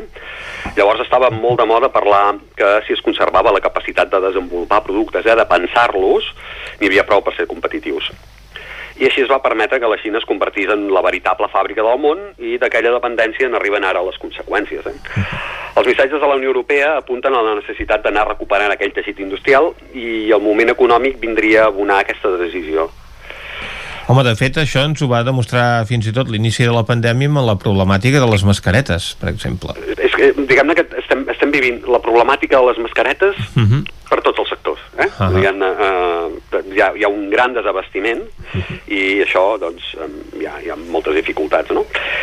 El que estan dient darrerament eh, els, els, els que hi entenen, no?, és que els costos de fabricar a l'Àsia ja no són comp tan competitius i menys ho seran si els, preus, si els costos logístics continuen enfilant-se, no? Si no trobes un contenidor, mm, diguem-ne que el, el preu per posar articles en contenidor s'ha s'ha multiplicat per bastant. Eh? Eh, ara no tinc la dada al davant, però si no em falla la memòria no, no, no, no ho doneu com un fet cert, però, però s'hauria multiplicat per 5, eh? Carai. Per tant, diguem-ne que és, un, és, un, és un creixement molt important. Molt. Eh, per tant, aquestes dades són tossudes. Eh? Les estimacions sobre el cost de retornar part d'aquest teixit industrial perdut en nom d'una globalització que ara se'ns demostra que estava mal entesa, s'apunten cap a uns 20.000 milions d'euros eh, per a Europa, eh, amb terminis d'amortització que es considera que arribarien a ser de dècades. Eh? 20.000 euros i amortització en dècades és un cost molt elevat, eh? el, que, el que comportaria anar recuperant teixit industrial. Aquest és el, el mal que, que va fer eh, entendre que eh, com que era més fàcil, com que era més barat produir a l'Àsia, doncs estava bé desmantellar, desmantellar la indústria. En la recuperació de la producció internacional, Europa està en una posició més de, de desavantatge. Eh? Uh, Diguem-ne productivament Europa pot representar més o menys un 10% de, de, de, de la producció mundial um, que queda lluny de, la, de les capacitats dels Estats Units i, clar, no cal dir-ho, de l'Àsia. Eh? Uh, la demanda interna en, aquell, en, en, aquells països, eh, sobretot a la Xina, eh, vehicles, electrodomèstics, plaques, solars, està creixent i, clar, en l'ordre de prioritats, els fabricants cobreixen primer les peticions més properes. Um, diguem-ne, ja, si en tenen prou per, per abastir el, el seu mercat, doncs um, intentaran créixer, però però primer no, abastiran el seu mercat. Europa ha d'esperar el seu torn per assemblar productes semielaborats que venen de la Xina perquè així va triar fa dècades que seria el seu model industrial. Calen canvis en aquest model, tot i que les iniciatives cap a un tipus d'indústria més verda i digital també topen amb el problema. Eh? El problema és que aquest tipus d'indústria també demanda unes primeres matèries que no estan directament disponibles perquè sabem que Europa tampoc és un gran productor de, de primeres matèries. No? Per tant, mm, eh, per més que tu vulguis fer aquesta transició, que és una transició lògica, eh, cap a una economia verda, digital, mm, tot, tot, tot, tots aquests um, cognoms que li vulguis posar a la indústria del futur, la dependència de, de tercers països persistirà. Hi ha encara una, una derivada més eh, d'aquest encariment de les primeres matèries. A veure. Produir és més costós i, per tant, els preus finals dels productes tendiran a incrementar-se. Eh, no és exactament el que, el que reflecteix encara el creixement de l'IPC, tot i que déu nhi sabem que l'IPC també està molt influït pels preus de, de l'energia, ho havíem explicat algunes vegades, però estem veient que els creixements de l'IPC estan clarament per sobre del 2% que es considera òptim. I això pot portar al risc que les autoritats monetàries arribin a la conclusió que l'encariment del cost de la vida provingui de les polítiques expansives que han executat en els últims anys, eh, que s'han fet, diguem-ne, per propiciar una recuperació econòmica, perquè, diguem-ne, que aquesta crisi econòmica, l'única paternitat no és el coronavirus, eh? venim d'una situació encara no resolta de, de la crisi financera del 2008. Un diagnòstic erroni eh, portaria a la retirada d'aquestes mesures expansives i només contribuiria a, a greujar el problema. El camí de la represa, com estàvem dient, eh, està ple de sotracs, és pedregós, i només les mesures encertades portaran alguna cosa que s'assembli a aquesta recuperació en ve baixa que, a la qual tothom aspira. No? En cas contrari, es corre, el, corre, es corre el risc que la sortida sigui, eh, en comptes d'una ve baixa, una lletra de cal·ligrafia d'aquella intel·ligible, eh, lletra de metge gairebé, i els finals de les frases amb les lletres aquestes, diguem-ne, que costen de llegir, eh, són, són, són incerts. De manera que estaria bé que s'encerti el diagnòstic perquè si no s'encerta el diagnòstic les solucions difícilment seran, seran les, les més profitoses no? Estaria bé, estaria bé que s'encerti amb el diagnòstic i es trobin solucions a aquesta situació que pot desbordar l'economia de molts països amb aquest increment de preus de productes eh, de matèries primeres. Joan Carles, moltes gràcies per acompanyar-nos avui. Moltíssimes Moltíssimes gràcies a vosaltres. Bon dia. Bon dia, Joan Carles. Amb ell hem analitzat aquesta situació derivada de l'encariment de les matèries primeres en dades molt i molt rellevants, com ens ha dit ell, perquè són increments molt significatius amb alguns productes de gran consum. Després d'aquesta anàlisi de la situació econòmica que estem vivint, fem una última pausa de publicitat al Territori 17 i continuem amb la recta final del programa parlant d'ecologia i medi ambient. El nou FM. Nou Baviera. La nostra proposta és senzilla, plena de sabors i valors. El nostre èxit és la senzillesa de la nostra carta amb productes frescos, de primera qualitat i de quilòmetre zero. Som especialistes en frankfurts, hamburgueses 100% de carn de vedella, entrepans i una de les millors patates braves de tot Vic. Amanides, plats combinats, tot al teu gust. Nou Baviera. Ho fem per tu com si fos per nosaltres. Som al carrer Verdaguer número 36 de Vic. Vine al racó del León i celebra la Revilla de Sant Joan. Menú especial, coca de Sant Joan i llangonissa per tothom. Gaudeix de la Revella de Sant Joan al racó del León, carrer Torelló, número 35 de Vic. Fes la teva reserva al 93 889 19 50. Necessites cultura, espectacles i diversió? Neix el Clec Fest, el primer festival rural xic de la comarca. A Santa Eulàlia de Riu Primer els dissabtes 19 i 26 de juny i 10 i 17 de juliol. Circ, màgia, improvisació, música i molt bon rotllo. Fes cultura, fes estiu, fes Riu Primer, fes Clec. Tota la programació a l'Instagram arroba Clec Festival Riu Primer. Vine a Autoscola Montseny. Ara és el moment de fer els cursos de teòrica intensius, ràpid i eficaç. T'informarem dels PACs. Permís de moto de 16 i 18 anys i permís de cotxe. I si vens a veure'ns, tindràs un obsequi. Apunta't i no t'ho pensis més. Per més informació, Autoscola Montseny, Rambla de Vallades, número 13 de Vic. Busca'ns a Instagram i Facebook. Radella de Sant Joan, al restaurant Casa Vostra. Sopar, música en directe amb Joan Aromí, fi de festa amb coca, llangonissa i cava. Vine i disfruta de la Ravella de Sant Joan amb un bon sopar i la millor música. Restaurant Casa Vostra al carrer Pla de Balanyà, número 18 de Vic.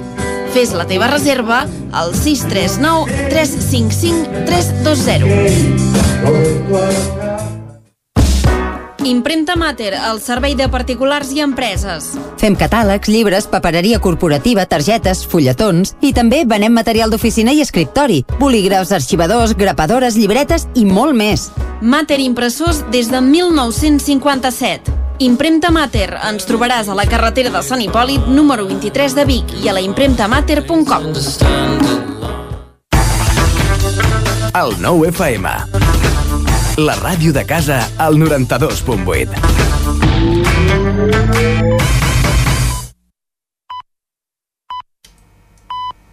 Territori 17. I abans de parlar de medi ambient i ecologia, anem d'excursió cap a Tavertet.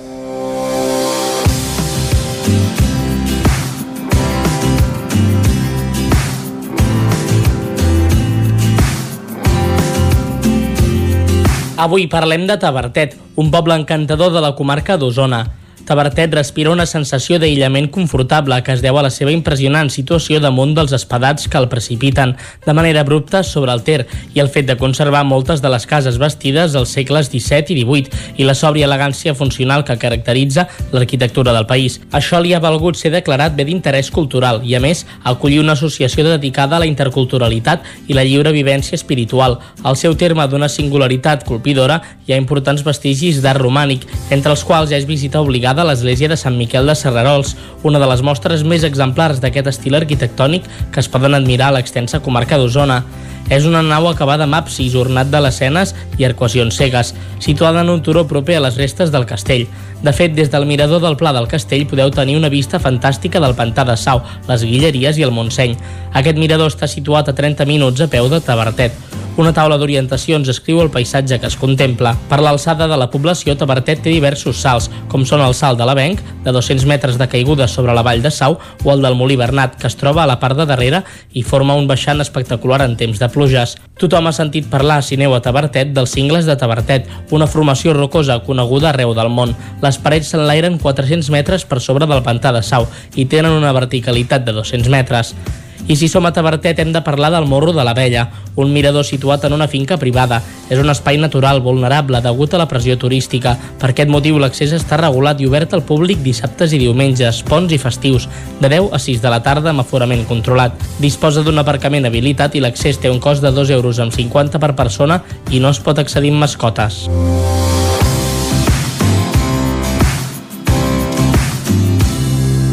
Territori 17 que bonic que és Tabertet, eh? I tant que sí. I que tranquil s'hi estava durant el confinament comarcal, que era un molt bon uh, moment per anar-hi a fer un tom. Ara, els caps de setmana, uh, és aconsellable anar-hi d'hora, perquè si no aquest aparcament del qual ens feia referència en David Auladell, doncs ja està saturat i de vegades costa fins i tot uh, fer-hi cap, eh? Però és un poble encantador i fantàstic. I més en aquesta època de l'any. Exacte. Això sí, no té tren, eh? No, perquè queda molt amunt i sí. molt allunyat de la civilització. Sí, sí, sí, correcte. Per arribar a Tabertet cal anar fins a l'Esquirol i de l'Esquirol enfilar una carretera força revirada, no gaire aconsellable per la gent que es mareja, uh, perquè la veritat és que de revolts n'hi ha uns quants, però també té unes vistes espectaculars i la veritat sí. és que el mateix trajecte ja és en si mateix una, una aventura i un atractiu, també. Per aventures, les de la R3. Va, doncs deixem Tabertet i anem cap a la R3, sí? que ahir l'Isaac ens va deixar a mitges amb una història que ara en viurem el segon episodi. Doncs vinga, anem a la Trenc d'Alba, a la R3, ara mateix. Anem-hi. A Trenc d'Alba, edició pandèmia. Ara sense els usuaris que ens explicaven les seves desgràcies a la R3, però amb els mateixos retards i problemes de sempre.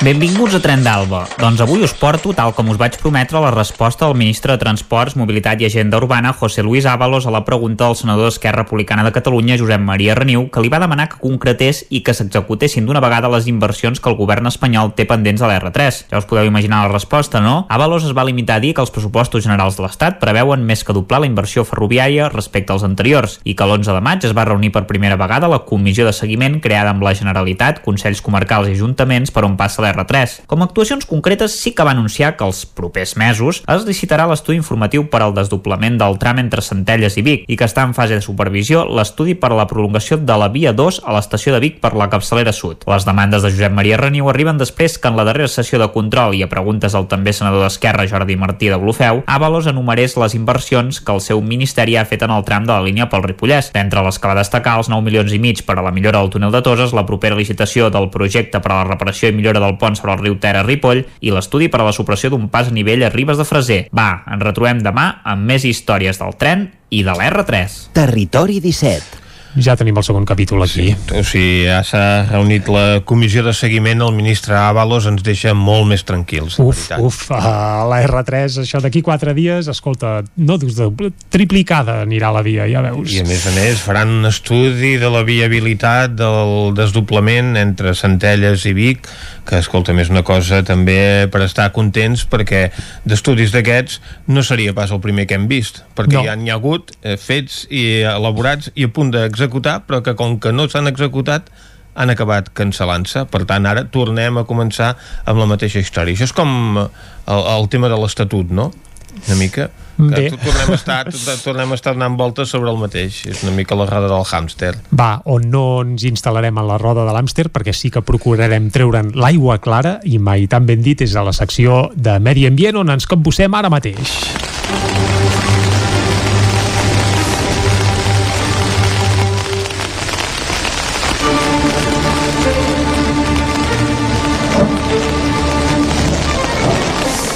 Doncs quan passen gairebé 6 minuts ja de dos quarts de 12 del matí, Vicent, som dimarts, això vol dir que hem d'acabar parlant de meteorologia i medi ambient i un uh -huh. cop al mes saludem els nostres amics del Centre d'Estudis dels Rius Mediterranis i avui volem comentar, per començar, un estudi que es va donar a conèixer fa poc que bàsicament explicava que un 45% dels residus que es troben a les zones de ribera dels rius catalans, sobretot del Besòs, el Ter, la Tordera i el Fluvià, doncs són plàstics, és a dir, això que també sembla que passa als mars, doncs als rius hi hauria un paral·lelisme i resulta que això, un 45% dels residus que hi ha al voltant dels rius són plàstics, sobretot bosses de plàstic, embolcalls de menjar i tovalloletes higièniques. Eh, aquestes tovalloletes que són un veritable mal de cap a les ribes dels rius i també als nostres mars. Per parlar-ne... I mira que ara va cara el plàstic, ens ho acaba sí, de Carles.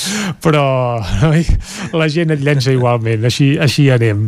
Per comentar una mica aquest estudi i moltes altres coses, saludem ara mateix en Marc Ordets del Centre d'Estudis dels Rius Mediterranis. Marc, molt bon dia. Hola, bon dia.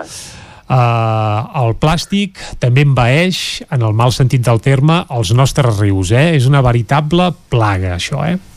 És, és un drama, és un drama. Això que surt en l'estudi aquest, uh, ho veus quan tu vas per la vora del riu, que enmig de les fulles, les branques, et trobes uh, tot tipus de residus, eh? I com més, uh, més humanitzat, com més gent hi ha a la vora, més n'hi ha, eh? I, i moltes vegades no en som conscients perquè potser la gent ja s'ha acostumat a no llançar bosses i ampolles a terra, però sí que hi ha molta gent que fa servir eh, productes com les tovalloletes humides que comentàveu, uh -huh. Eh, que, el, que, que els sembla que allò és una cosa super biodegradable i no és el cas, eh? I, i no és gens, -huh. no ho és gens, eh? -huh. I és un, és un drama perquè hi ha molts sobrecidors la gent uh -huh. pensa això pensant que això anirà a una depuradora, es degradarà, i primer, quan arriben les depuradores és un gran problema, perquè les depuradores, quan es van inventar, aquestes fibres eh, no estaven... No, no, no existien, no? No, no, no existien, no? I per tant tenen molts problemes per separar això abans de fer el tractament biològic.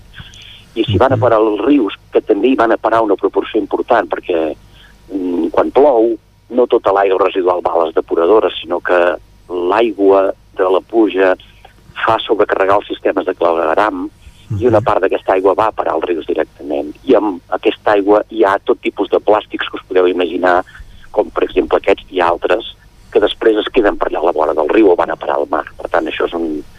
És, uh -huh. també va parar directament al medi natural i quan hi han revingudes, sobretot dels rius, és quan suposo que, que es, vaja, es complica el, el, el panorama, no? perquè el riu arrossega absolutament tot i, escolta, que la gent es pensa que, que clar, que hi ha un escombriaire a cada racó i no és el cas de, només faltaria dels nostres rius, això és evident. Exacte, és un desastre. I coses que no es veuen, perquè després venen els microplàstics una cosa són aquestes tovalloletes humides, que són un desastre, mm -hmm. a més es van trencant, però hi ha moltes fibres eh, de la nostra roba, per exemple. La nostra roba, en bona part, ja no és cotó o llana, mm -hmm. sinó que en bona part és plàstic. Eh? La roba porta un component, els acrílics són plàstics, molta proporció de la roba no és cotó, sinó que és cotó amb altres, poliacrilamida, etc etc. no? Mm -hmm. eh, com més la rentem, i no vull dir que siguem que haguem de ser bruts o brutes, però com més la rentem, més es van trencant aquestes fibres i això va parar a l'aigua i de l'aigua al medi. I el medi vol dir que se n'alimenten els invertebrats, els peixos i nosaltres mateixos que acabem ingerint aquests microplàstics. És a dir, que inconscientment ens els mengem nosaltres mateixos, aquests residus que generem, eh? Exacte, exacte. Eh? Uh -huh. I, I què hem de fer, doncs, amb la roba? Uh, Perquè avui en dia trobes uh, els teixits que trobes, no? Hem de fer tantes coses no sé si donarem a l'abast, n'hem de fer moltes, eh? Amb l'energia ara, amb les rectadores, amb el tal. Sí, és que ho hem de fer de matinada, això ja ens ha quedat clar. De matinada o al cap de setmana. Sí, perquè Però... si no se't toquen el crostó. Però amb el tema de, de, de la roba i dels residus hem viscut alegrement el tema del plàstic, que ens ha ajudat molt a viure, és cert, eh? ens ha facilitat moltes coses, però mm, el, el, els problemes hi, hi són i hem d'anar trobant alt alternatives, eh, pensar en rentar la roba potser d'una manera diferent, amb temperatures més baixes, eh, anava a dir menys sovint, potser no cal rentar una roba neta a vegades, eh? uh -huh. etc. No, jo no sóc especialista en això, però hi ha, hi ha alternatives. Eh, la primera és fer servir fibres més naturals uh -huh. i anar substituint el plàstic progressivament. Uh -huh. L'altra, doncs, digues, digues. No, anava a dir, tornant a, a l'estudi aquest dels residus, hem citat tovalloletes, hem citat plàstics, però hi ha un altre residu que és sorprenent. El 7% dels residus que es van trobar resulta que són borilles de cigars. Aquelles borilles que hem vist segurament a tot arreu, que la gent potser també es pensa que en quatre dies això amb l'aigua es desfà tot, i són molt i molt difícils de fer desaparèixer aquest tipus de borilles de cigars, i n'hi ha moltíssimes també, eh? Sí, sí, és, és un drama la quantitat de, de puntes de cigarret que trobes la gent que va a la sorra, que va a la platja, eh? Mm -hmm. et trobes per allà enmig de la sorra i de la platja. Hi ha un ecologista mallorquí, que ara em sap molt greu perquè no recordo el nom, que s'ha dedicat a recollir, ell i unes brigades a diferents platges de Mallorca, uh -huh. eh, fa doncs, campanyes de, de recerca de puntes de cigarret, eh, no? I, uh -huh. i després es fotografia, ho penja a les xarxes socials, etc i quedes esparverat, com en una platgeta de no res, pot sortir milers, no, no sé si milions, però milers bosses enormes de puntes de cigarret que la gent fuma i l'amaga dins de la sorra, no? Uh -huh. Però clar, llavors va degradant, es va desfent, eh, i, i a més a més li costa molt de desfer-se, es desfà però acaba sent present allà i, i això que dèiem, acaba sent part de l'alimentació de, de, la, de la fauna marina o, o, o fluvial, és igual. Un altre dels, eh, bé, de les deixalles que s'han trobat en aquest estudi molt presents són metalls, principalment llaunes de begudes. Un 11% aproximadament dels residus trobats són llaunes de begudes. Clar, una llauna d'aquelles de tota la vida també costa molt de, de fer desaparèixer. Això no passen ni dos, ni tres, ni quatre anys que, que bé, ni s'arrovella ni desapareix, sinó que és un residu que el podem tenir per dècades i que és molt i molt complicat que desaparegui per si sol, eh? Sí, la, la, la, el problema de, de les llaunes ja és d'origen, eh? però uh -huh. hem de tenir en compte que ja, jo em dedico a l'aigua i, i els temes més, més de, de rius, però, però el cert és que eh, he llegit alguna cosa sobre co, què val generar una llauna d'alumini i és esparverant la contaminació que comporta l'Amazones, per exemple, que és una de les parts del món on, on s'obté l'alumini. Eh? Uh -huh. I aquest alumini al final és per fer un glob, uns quants globs d'una cerveseta que acabem llançant i que moltes vegades no es recicla, no? Uh, si a més a més es recicla, mira, encara, però pel mig hi ha tota una utilització d'energia de, que, que ha sigut pràcticament per no res. Quan si, fem, si comprem això doncs, a granel o, o simplement ens prenem una cervesa directament amb un got eh, aquests residus que ja no ni es genera, ni contamina, ni crea res, no? Uh -huh. bueno, això també diu molt poc de la consciència de la gent, eh? Vull dir, sí que en general ha anat canviant, però encara, doncs, eh, ja n'hi ha molts que sí que et trobes llaunes que cauen, eh? Uh -huh. aquestes no van a parar al lavabo, aquestes cauen de la bossa de la gent, eh, ja sí, no? D'això, precisament, doncs, eh, ens n'hem fet ressò que darrerament i a conseqüència del confinament el que han aparegut doncs, en molts entorns naturals és precisament restes de botellades que, que feia la gent i que deixava allà doncs, els residus d'aquestes festes que es muntaven fora dels àmbits urbans eh, degut a que no, no hi havia doncs, espais d'oci nocturn ni altres activitats que poguessin dur a terme els joves no? aquests, última, aquests últims mesos en definitiva Sí, sí, sí. De totes maneres, però eh, mira, per exemple, s'ha fet un estudi, un, uns companys de, de la Universitat de, de, de, de, del CSIC de Blanes, concretament, van estar fent un estudi a l'Alter, eh, uh -huh. eh, diguem, el naixement del Ter eh, per damunt de set cases. Uh -huh. Dius, home, aquí, això, el riu aquí estarà de pebrots, parlant científicament, eh? Un pebrots de molt bona qualitat, eh? Uh, van dir, bueno, compararem aquest tram de riu amb altres, perquè, clar, aquí i van quedar esparverades aquestes noies de, de la quantitat de microplàstics que hi havia allà. Eh? I en bona part elles van anar prenent mostres al llarg, al llarg d'un any i van arribar a la conclusió que era degut a les fibres de la roba dels esquiadors i dels caminants i de les ampolles que queien i de de coses eh? que fins i tot eh, gent més o menys conscienciada, no? La gent que va a la muntanya, que t'imagines que més o menys, no? En Jornet, eh? Uh -huh. Aquest tipus de personal, eh? Jo m'hi puc incloure, eh? De, de tens una certa consciència ambiental, doncs també quan vas a la muntanya amb aquells pantalons del Decathlon de fibra eh, i et cau una ampolla i no sé què, doncs també estem fent un impacte que era bastant important, eh, no era no era poca cosa. Eh? Ara no escolto la xifra exactament, però sortint a quantitat de microplàstics el naixement del Ter, que era, una, era un lloc que teòricament havia, havia d'estar molt bé, no?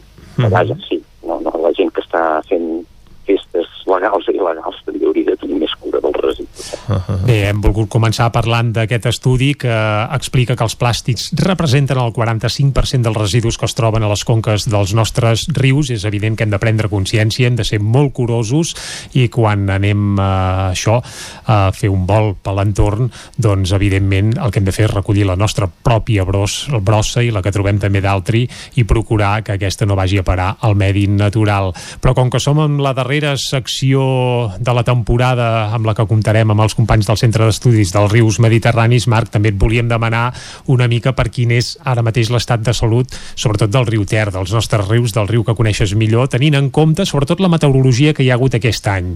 No hem tingut un hivern molt plujós, però la primavera ha estat també molt irregular i no sé de cara a l'estiu uh, si es pot preveure un estiu d'aquells molt secs en què després es poden produir episodis, bé, recordem fa un parell d'anys, per exemple, mortaldat d'ànecs uh, afluents del riu uh, Ter, precisament per la manca segurament d'aigua. No sé quin, quins auguris es poden fer de cara a aquest estiu, ja queda molt poca neu a les capçalades, per tant, si no hi ha pluges és difícil que, que el riu vingui gaire generós. Uh, com preveieu que pot ser, uh, hidrològicament parlant, aquest estiu, Marc? Nosaltres ens dediquem més com els historiadors a avaluar el que ha passat. Que no pas a saber el que passarà, eh? Però nosaltres, com que som periodistes, sempre hem de gratar a procurar saber com poden, per on poden anar els trets, eh? Ja, ara com ara tenim el riu mm, fins aquesta setmana que està el Ter i els rius en general de Catalunya que estan portant bastant aigua. Mm -hmm. que és un any hidrològicament normal fins a hores d'ara, eh, havia passat un hivern una mica més eixut, però ara portem unes setmanes doncs, que ha anat plovent, eh, bé, eh, bé, dir, regularment és una primavera bastant estàndard. A partir d'ara què passarà no ho sabem. En tot cas, si deixa de ploure, pot ser un problema.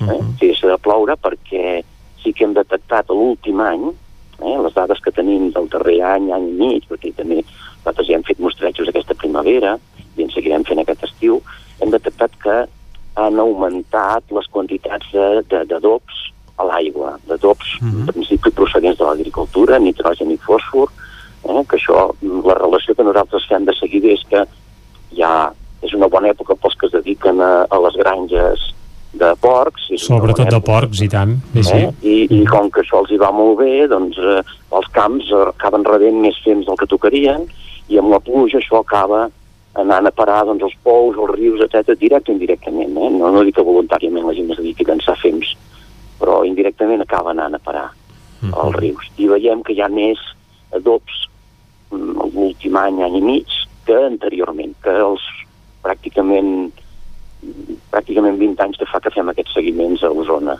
Eh? A Osona i altres parts de Catalunya, però concretament a Osona. Uh -huh. I, I, per tant, Mm, si no anem mm, reduint aquesta aportació de tots els camps, eh, i això és un tema molt complex, no anem bé. I per tant, si deixa de ploure i segueix havent tota aquesta quantitat d'adobs, podria ser que es donés aquests episodis de mortandat d'ocells, per botulisme, perquè creixen moltes algues, les algues es podreixen, apareixen aquests bacteris dels llocs mm, de, de, de fons que no hi ha oxigen. De, és a dir, quan veiem, Marc, el riu allò molt verd amb molta alga, és senyal que hi ha molt adob? Això seria una manera sí, visual de detectar-ho, sí? Sens dubte. Uh -huh. això, uh -huh. això que va passar aquí va passar, eh, va passar a Guissona, ha passat a Cervera, ha passat a altres parts de Catalunya, i es van morir ànecs aquí i altres parts de Catalunya, i la causa ve a ser més o menys la mateixa. Eh? Aquest excés d'adobs que fa que creixin les algues, és com si posessin més adobs en un, en un prat o en un,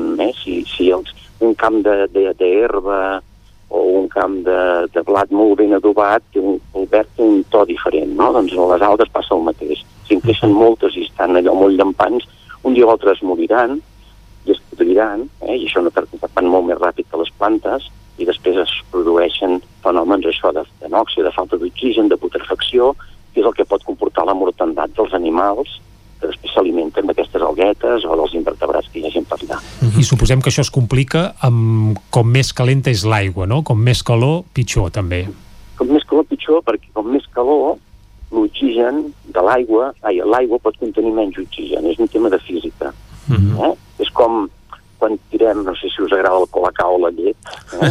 Vicent, si segur que freda, sí. el colacao no es barreja, així la, la llet està calenta, el colacao es dissol molt millor. Eh? Uh -huh. Doncs amb el, el sucre també es dissol molt millor. Eh? Això, el colacao uh, és sucre, bàsicament. Sí, exacte. Eh? El, en el cas de, en el cas de, de en el cas de l'aigua mm, és, és justament al revés. Quan, com més freda és, més, més retent l'oxigen, uh -huh. i com més calenta és, l'oxigen, que és un gas, eh, es va accelerant i, i fuig de l'aigua i desapareix de l'aigua. Per tant, temperatures elevades de per si físicament ja no poden retenir, ja no poden retenir oxigen, uh -huh. i a més a més doncs, tenim matèria orgànica amb descomposició, aquest oxigen de la mica que ja desapareix. Uh -huh. I és quan es produeixen aquests fenòmens de muntardats de, d'animals, etc. Uh -huh. Per tant... I, I aquesta població d'ànecs es va recuperar després d'aquest últim brot de botulisme? És a dir, si ara, a conseqüència d'aquestes doncs, condicions, es tornés a reproduir aquest estiu, com podria quedar la població d'ànecs? Ja, la mortalitat d'ànecs va ser fa dos anys, eh? Uh -huh. l'estiu passat, eh, l'estiu passat, nosaltres el que fem és un recompte d'ànecs a l'hivern. Uh -huh. vale? Llavors, el que vam veure és que al cap de mig any de, de, de, de la mortalitat d'ànecs en faltaven molts, en faltaven uh -huh. en general, eh? Tant el Burri com el Ter, el Ter a l'entorn de Manlleu i el Burri per sota de Vic, que és on va haver més mortandat, allà faltaven més de la meitat dels ànecs que hi havia habitualment. Uh -huh. Aquest hivern passat ja s'havien recuperat una mica, però tot i així n'hi havia menys, o sigui que gairebé dos anys després uh -huh. eh, encara no es havien recuperat del tot. Uh -huh. Eh? Per tant, sí, els ànecs es reprodueixen. Una ànega pot tenir una dotzena de neguets. Eh? També és veritat que pel camí se'n moren perquè se'n menja alguna guilla, un gorja blanc, un gat, uh -huh. fins i tot algun peix pot menjar-se con un neguet, no? Però vaja, eh, no, d'un any a l'altre no es dupliquen fàcilment. Eh? O sigui, al cap de dos anys encara no tenim la població que teníem uh -huh. fa dos anys i ja veurem aquest any que passarà. Esperem que, que no arribin tants adobs. Es, esperem-ho, esperem-ho, tot i que ja ens ha quedat clar que aquest és un dels principals problemes que tenen ara mateix els nostres rius, eh? l'accés d'adobs. Mm -hmm. I, per cert, Marc, et volíem comentar un altre tema, i és el de la temperatura. Hi ha estudis que diuen que la temperatura de l'aigua del mar ha pujat força aquests darrers anys. Això està avalat sobretot per un estudi que du a terme un meteoròleg de l'Estartit. I en el cas dels rius, no sé si això vosaltres també ho heu notat o no, i és que cada vegada l'aigua dels rius baixa més calenta, i sobretot de cara a l'estiu. Sí, nosaltres, jo, portem fent això que us dic fa una vintena d'anys eh, no, no tenim una sèrie prou llarga com perquè puguem dir això, no? Però, per exemple, aquest mateix senyor que mira això a l'Estartit, que va amb una barca, Correcte. un dia a la setmana també ho mira a la desembocadura del Ter. Uh -huh. I com que una temporada hem estat treballant a Torroella durant uns quants anys, algun cop ens l'hem trobat eh? i l'hem anat seguint. I també ha notat que la temperatura de l'aigua del tram final del Ter va en augment. Eh? Uh -huh. eh, a les parts més altes del Ter o d'altres rius, eh, en principi tot fa pensar que van en augment, perquè nosaltres ho, ho observem a través de, dels animals que viuen al riu, per exemple. Eh, fins al, a la Guerra Civil la gent agafava, pescava truites habitualment a Manlleu i a Roda de Ter, no? Uh -huh. I tenim fotografies, i de fet alguna n'hem agafat alguna vegada, eh, encara, però era relativament habitual. Ara és pràcticament impossible. I la truita necessita viure amb aigües oxigenades i fredes. Uh -huh. És a dir, no és culpa de la contaminació, sinó que és culpa de la temperatura que no hi hagi truites, per exemple, al tram usonenc del, del Ter. Sí, bueno, a partir de Sant Quirze de Besora ja n'hi comences a trobar, eh? Uh -huh. N'hi comences a trobar, és un tram que està més engorjat, la llum no hi incedeix tan directament, l'aigua no s'escalfa tant, eh? I el Ter, el Ter, el que és el riu, per si mateix, té, té problemes, però no es pot considerar que sigui un riu contaminat, eh? El Ter, el, el Gurri, els afluents tenen les seves coses, però el Ter té una qualitat bona o molt bona i va oscil·lant, eh? però això no hauria de fer que desaparegués. Potser al tram final, cap a Roda, un cop ha rebut el burri, la qualitat sí que ha anat empitjorant amb els anys, però també ha disminuït el cabal, i aquest és el punt més important. Uh -huh. Al disminuir el cabal, l'aigua també, clar, amb menys quantitat d'aigua s'escalfa més. Clar. Eh? I a vegades no és tant que també la temperatura va pujant, sinó que com que cada vegada fem servir més aigua per moltes coses, la mica d'aigua que queda s'escalfa més de la, que la molta més aigua que hi havia abans. Li costava molt més d'escalfar-se, no? I si no hi ha bosc... Nosaltres considerem que sí que ha anat amb augment la temperatura, Uh -huh. però no en tenim unes dades fidedignes pel que fa a Osona i al Ripollès. Però indirectament hem deduït que sí. Un altre aspecte és el bosc de Ribera. Si desapareix el riu no hi ha ombres i és evidentment molt més fàcil que s'escalfi l'aigua perquè el sol hi es patega durant tot el dia. Ah, exacte. Ah, És un dels motius pels quals hem de empènyer i ajudar que hi hagi més bosc de ribera a tots els rius i afluents, eh? perquè l'aigua no s'escalfi tant i en lloc de que creixin aquestes algues, doncs que creixin els arbres i, i cobreixin el riu. Eh? I, i, tant, i tot l'ecosistema estaria molt millor si fos una mica, estigués una mica més cobert per als arbres de ribera, verns, saules, freixes, etc. I l'excursió a vora riu seria molt més agradable ara que venen les vacances i podem gaudir una mica més de la natura. Ara, ara és una època espectacular per anar a passejar a la vora del riu. Eh? Uh -huh. Jo comentava amb companys aquests dies que estem anant molt al camp uh -huh. i, i, i ja t'hi diuen, quasi hauríem de cobrar, ai, hauríem de cobrar, perquè llavors quines, quins mostrejos, perquè ara justament és una època que encara no fa molta calor i, i tant la flora com la fauna està tot florit, els arbres estan espectaculars, hi ha molta activitat, ocells, etc i, i val molt la pena.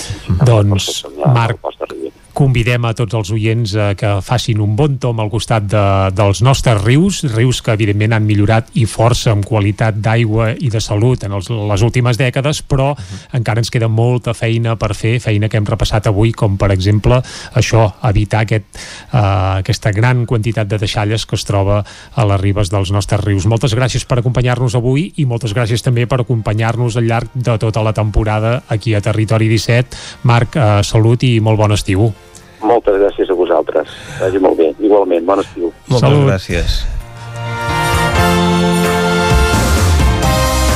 I Vicenç, el que ens toca ara ja és tancar el programa d'avui. Doncs sí, tanquem el Territori 17 d'aquest dimarts, que hem fet Clàudia Dinarès, David Auladell, Isaac Muntades, Jordi Givert, Pepa Costa, Gemma Permanyer, Òscar Muñoz, Dolors Altarriba, Guillem Rico, Xela Falgueres, Joan Carles Arredondo, Jordi Sunyer i Vicenç Vigues. Nosaltres tornarem demà i serem, com sempre, des de les 9 del matí i fins a les 12 del migdia. Adeu. Que vagi bé.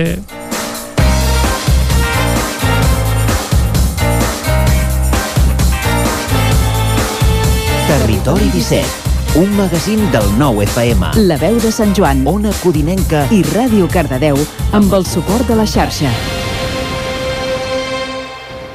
El nou FM.